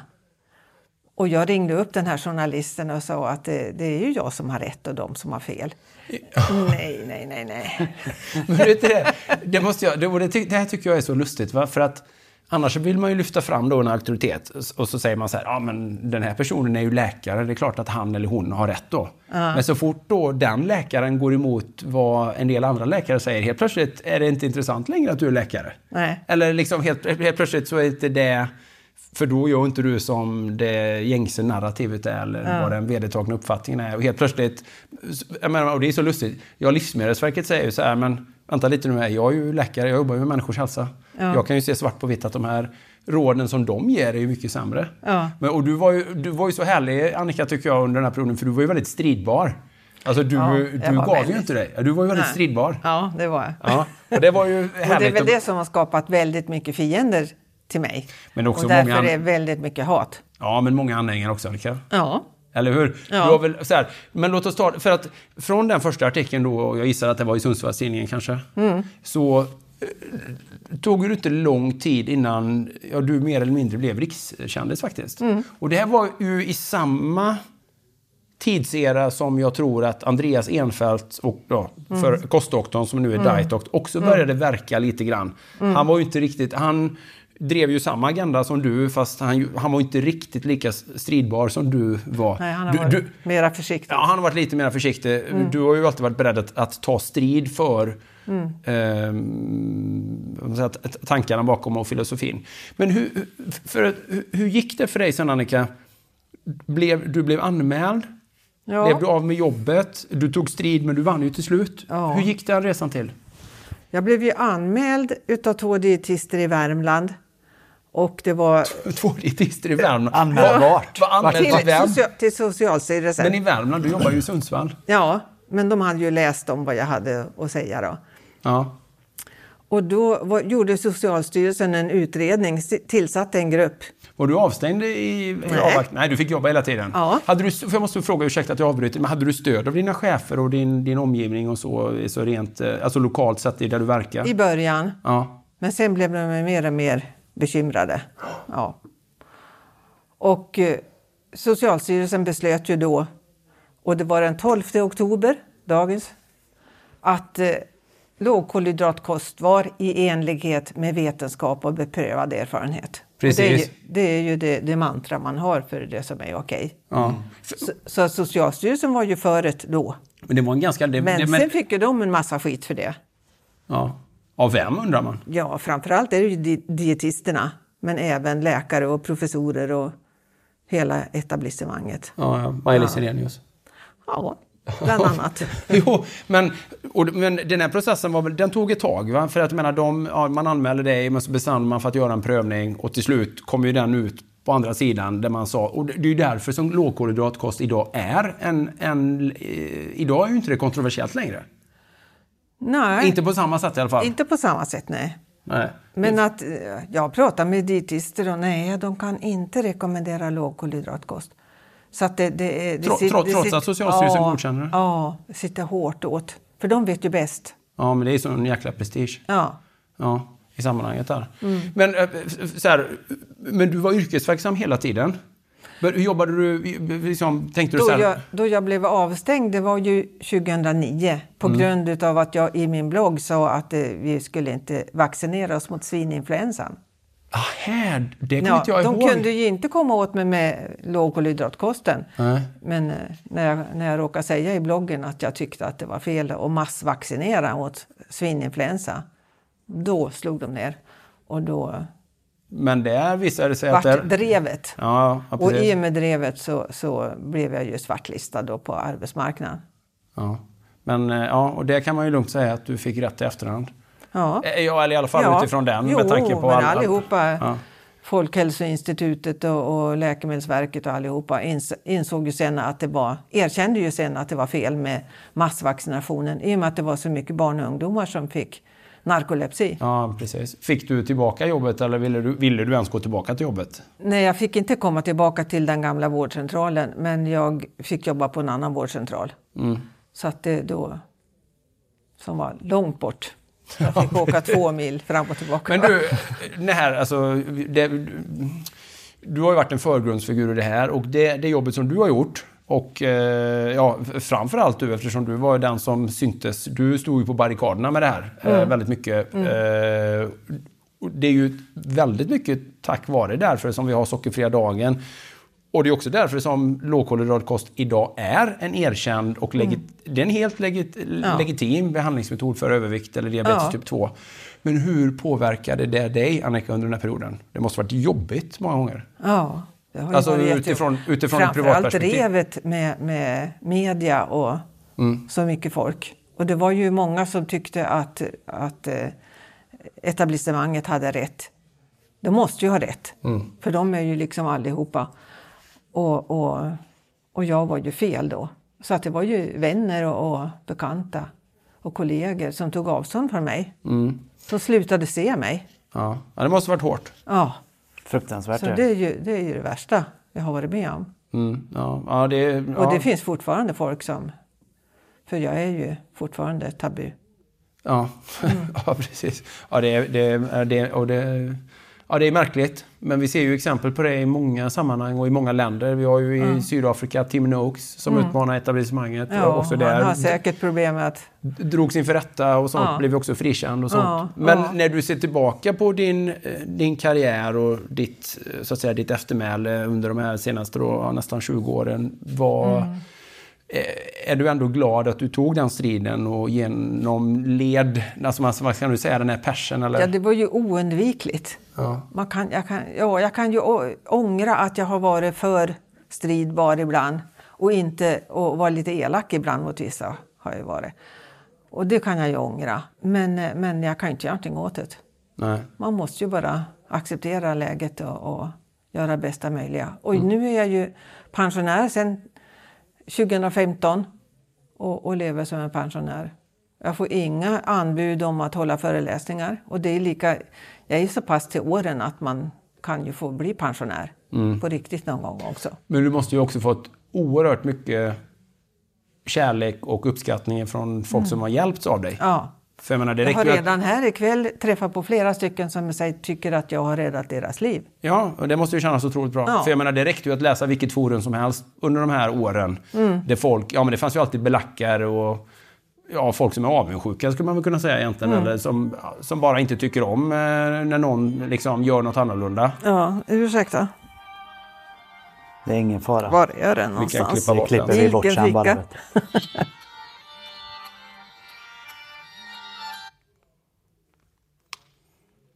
Jag kan ta det igen då. Ja. Ja, men det, det, fanns, det fanns ju jättemånga, ja, men det fanns ju otroligt många anhängare på olika ja, forum och annat. Alltså, det fanns ju många som var jättestora fans, alltså framförallt de som hjälptes av de råden du gav. Ja, Som kunde förändra sina Ja. liv och hitta en Ja. alternativ röst. Som, som upplevde då som privatpersoner den här, Mm. den här eh, vad ska man säga, det här motsägelsefulla i att de här råden faktiskt inte funkade speciellt bra i verkligheten. Mm. Eller för väldigt många så var det precis raka motsatsen. Ju mer kolhydrater och lågfett man åt desto sjukare blev man. ja. Och, och det som är det viktigaste i det här det är ju att vi mår bättre nu. Ju, man kan ju inte säga hur länge vi ska leva och vad vi ska dö för dödsorsak och sådana saker.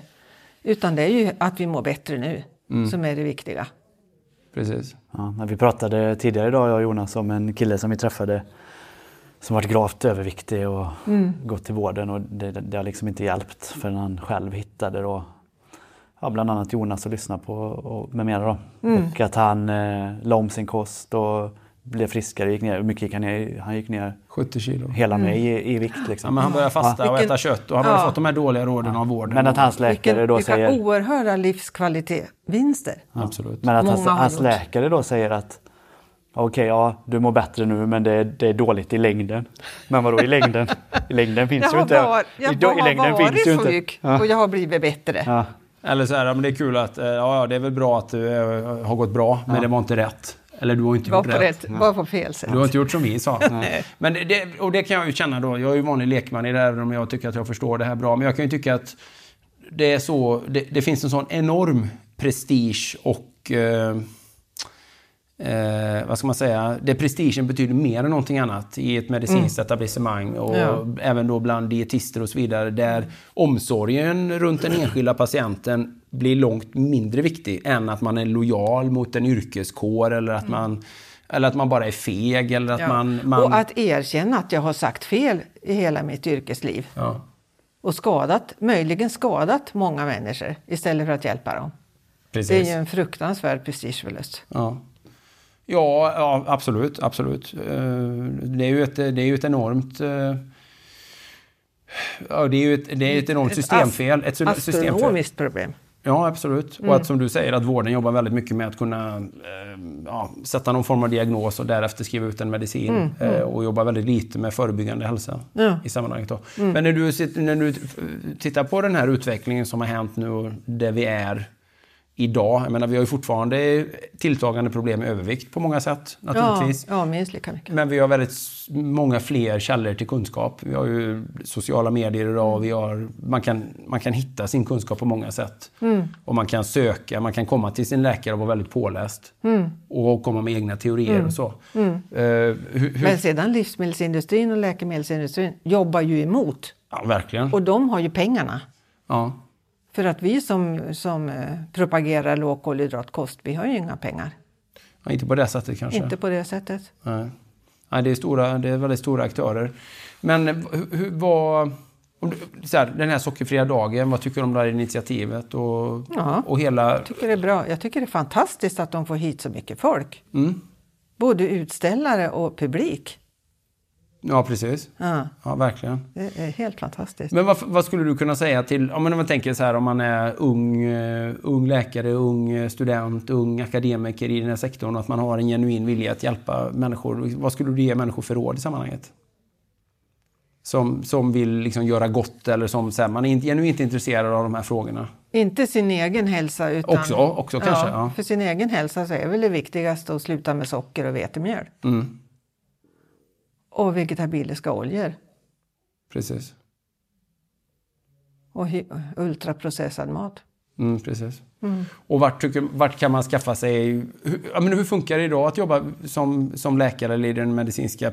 Liksom, på vårdcentral eller liknande och komma med de här råden som är lite konträra? Som sagt jag har ju varit pensionär i 8-9 år nu. Ja. Så att jag vet ju inte riktigt hur det är nu men, men jag skulle tro att det, det är svårt. Fortfarande ja. Ja. ja. Man upplever ju att det är ganska svårt fortfarande för många. Men att det ändå, jag tycker ändå eh, lite så här, både läkare och en del dietister och sånt som ändå som man pratar med eller som hör av sig. Som, Ja. som ändå har de här idéerna också och som försöker jobba Ja. med det. det. Jag vet inte om man Men blir lika att- motarbetad. Det beror säkert på vart man är och vad man eh, Jag har tror för kollegor. alla så här. inom vården som jobbar med det här, de blir ju utfrysta. Mm.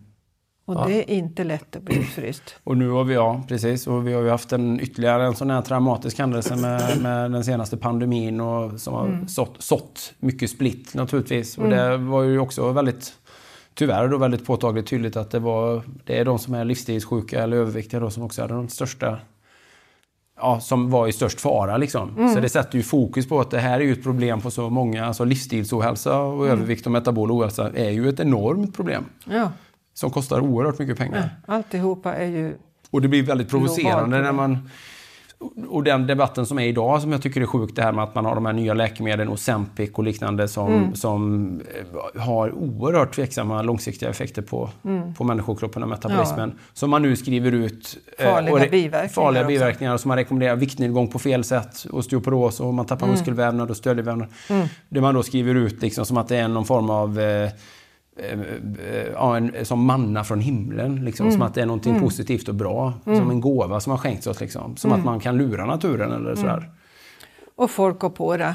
Att hellre ta en piller än att ändra sina matvanor. Jag hellre ta Ozempic-sprutor än att äta en bit fett kött så att man blir mätt och inte överäter Ja, annat. men till och med människor som inte har ett reellt problem med övervikt ännu. Som tar det, liksom käkar Ozempic i förebyggande syfte. Mm. Det är vansinne ju. Så att diabetikerna blir utan. Till och med det. Mm. De som kanske hade haft är riktig ju- nytta av det. Det är ju slutsålt. Mm. Ja. Ja, men precis. Ja, det är väldigt märkligt. Ja. Eh, det var jätteintressant att få prata med dig igen, Annika. Tack. Ja. Vi eh, har flera intressanta föreläsare att lyssna på här vidare ikväll. Mm. Eh, så att vi, vi går in i hörsalen och hör vidare. Mm. Det gör vi. Tack så Tusen jättemycket. tack för att du var med. Tack så mycket.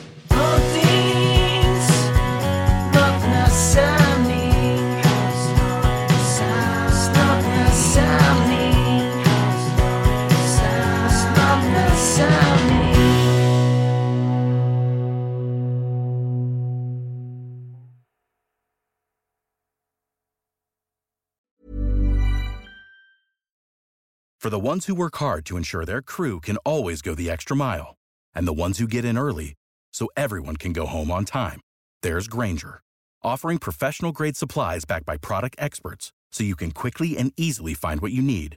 Plus, you can count on access to a committed team ready to go the extra mile for you. Call, clickgranger.com, or just stop by. Granger, for the ones who get it done.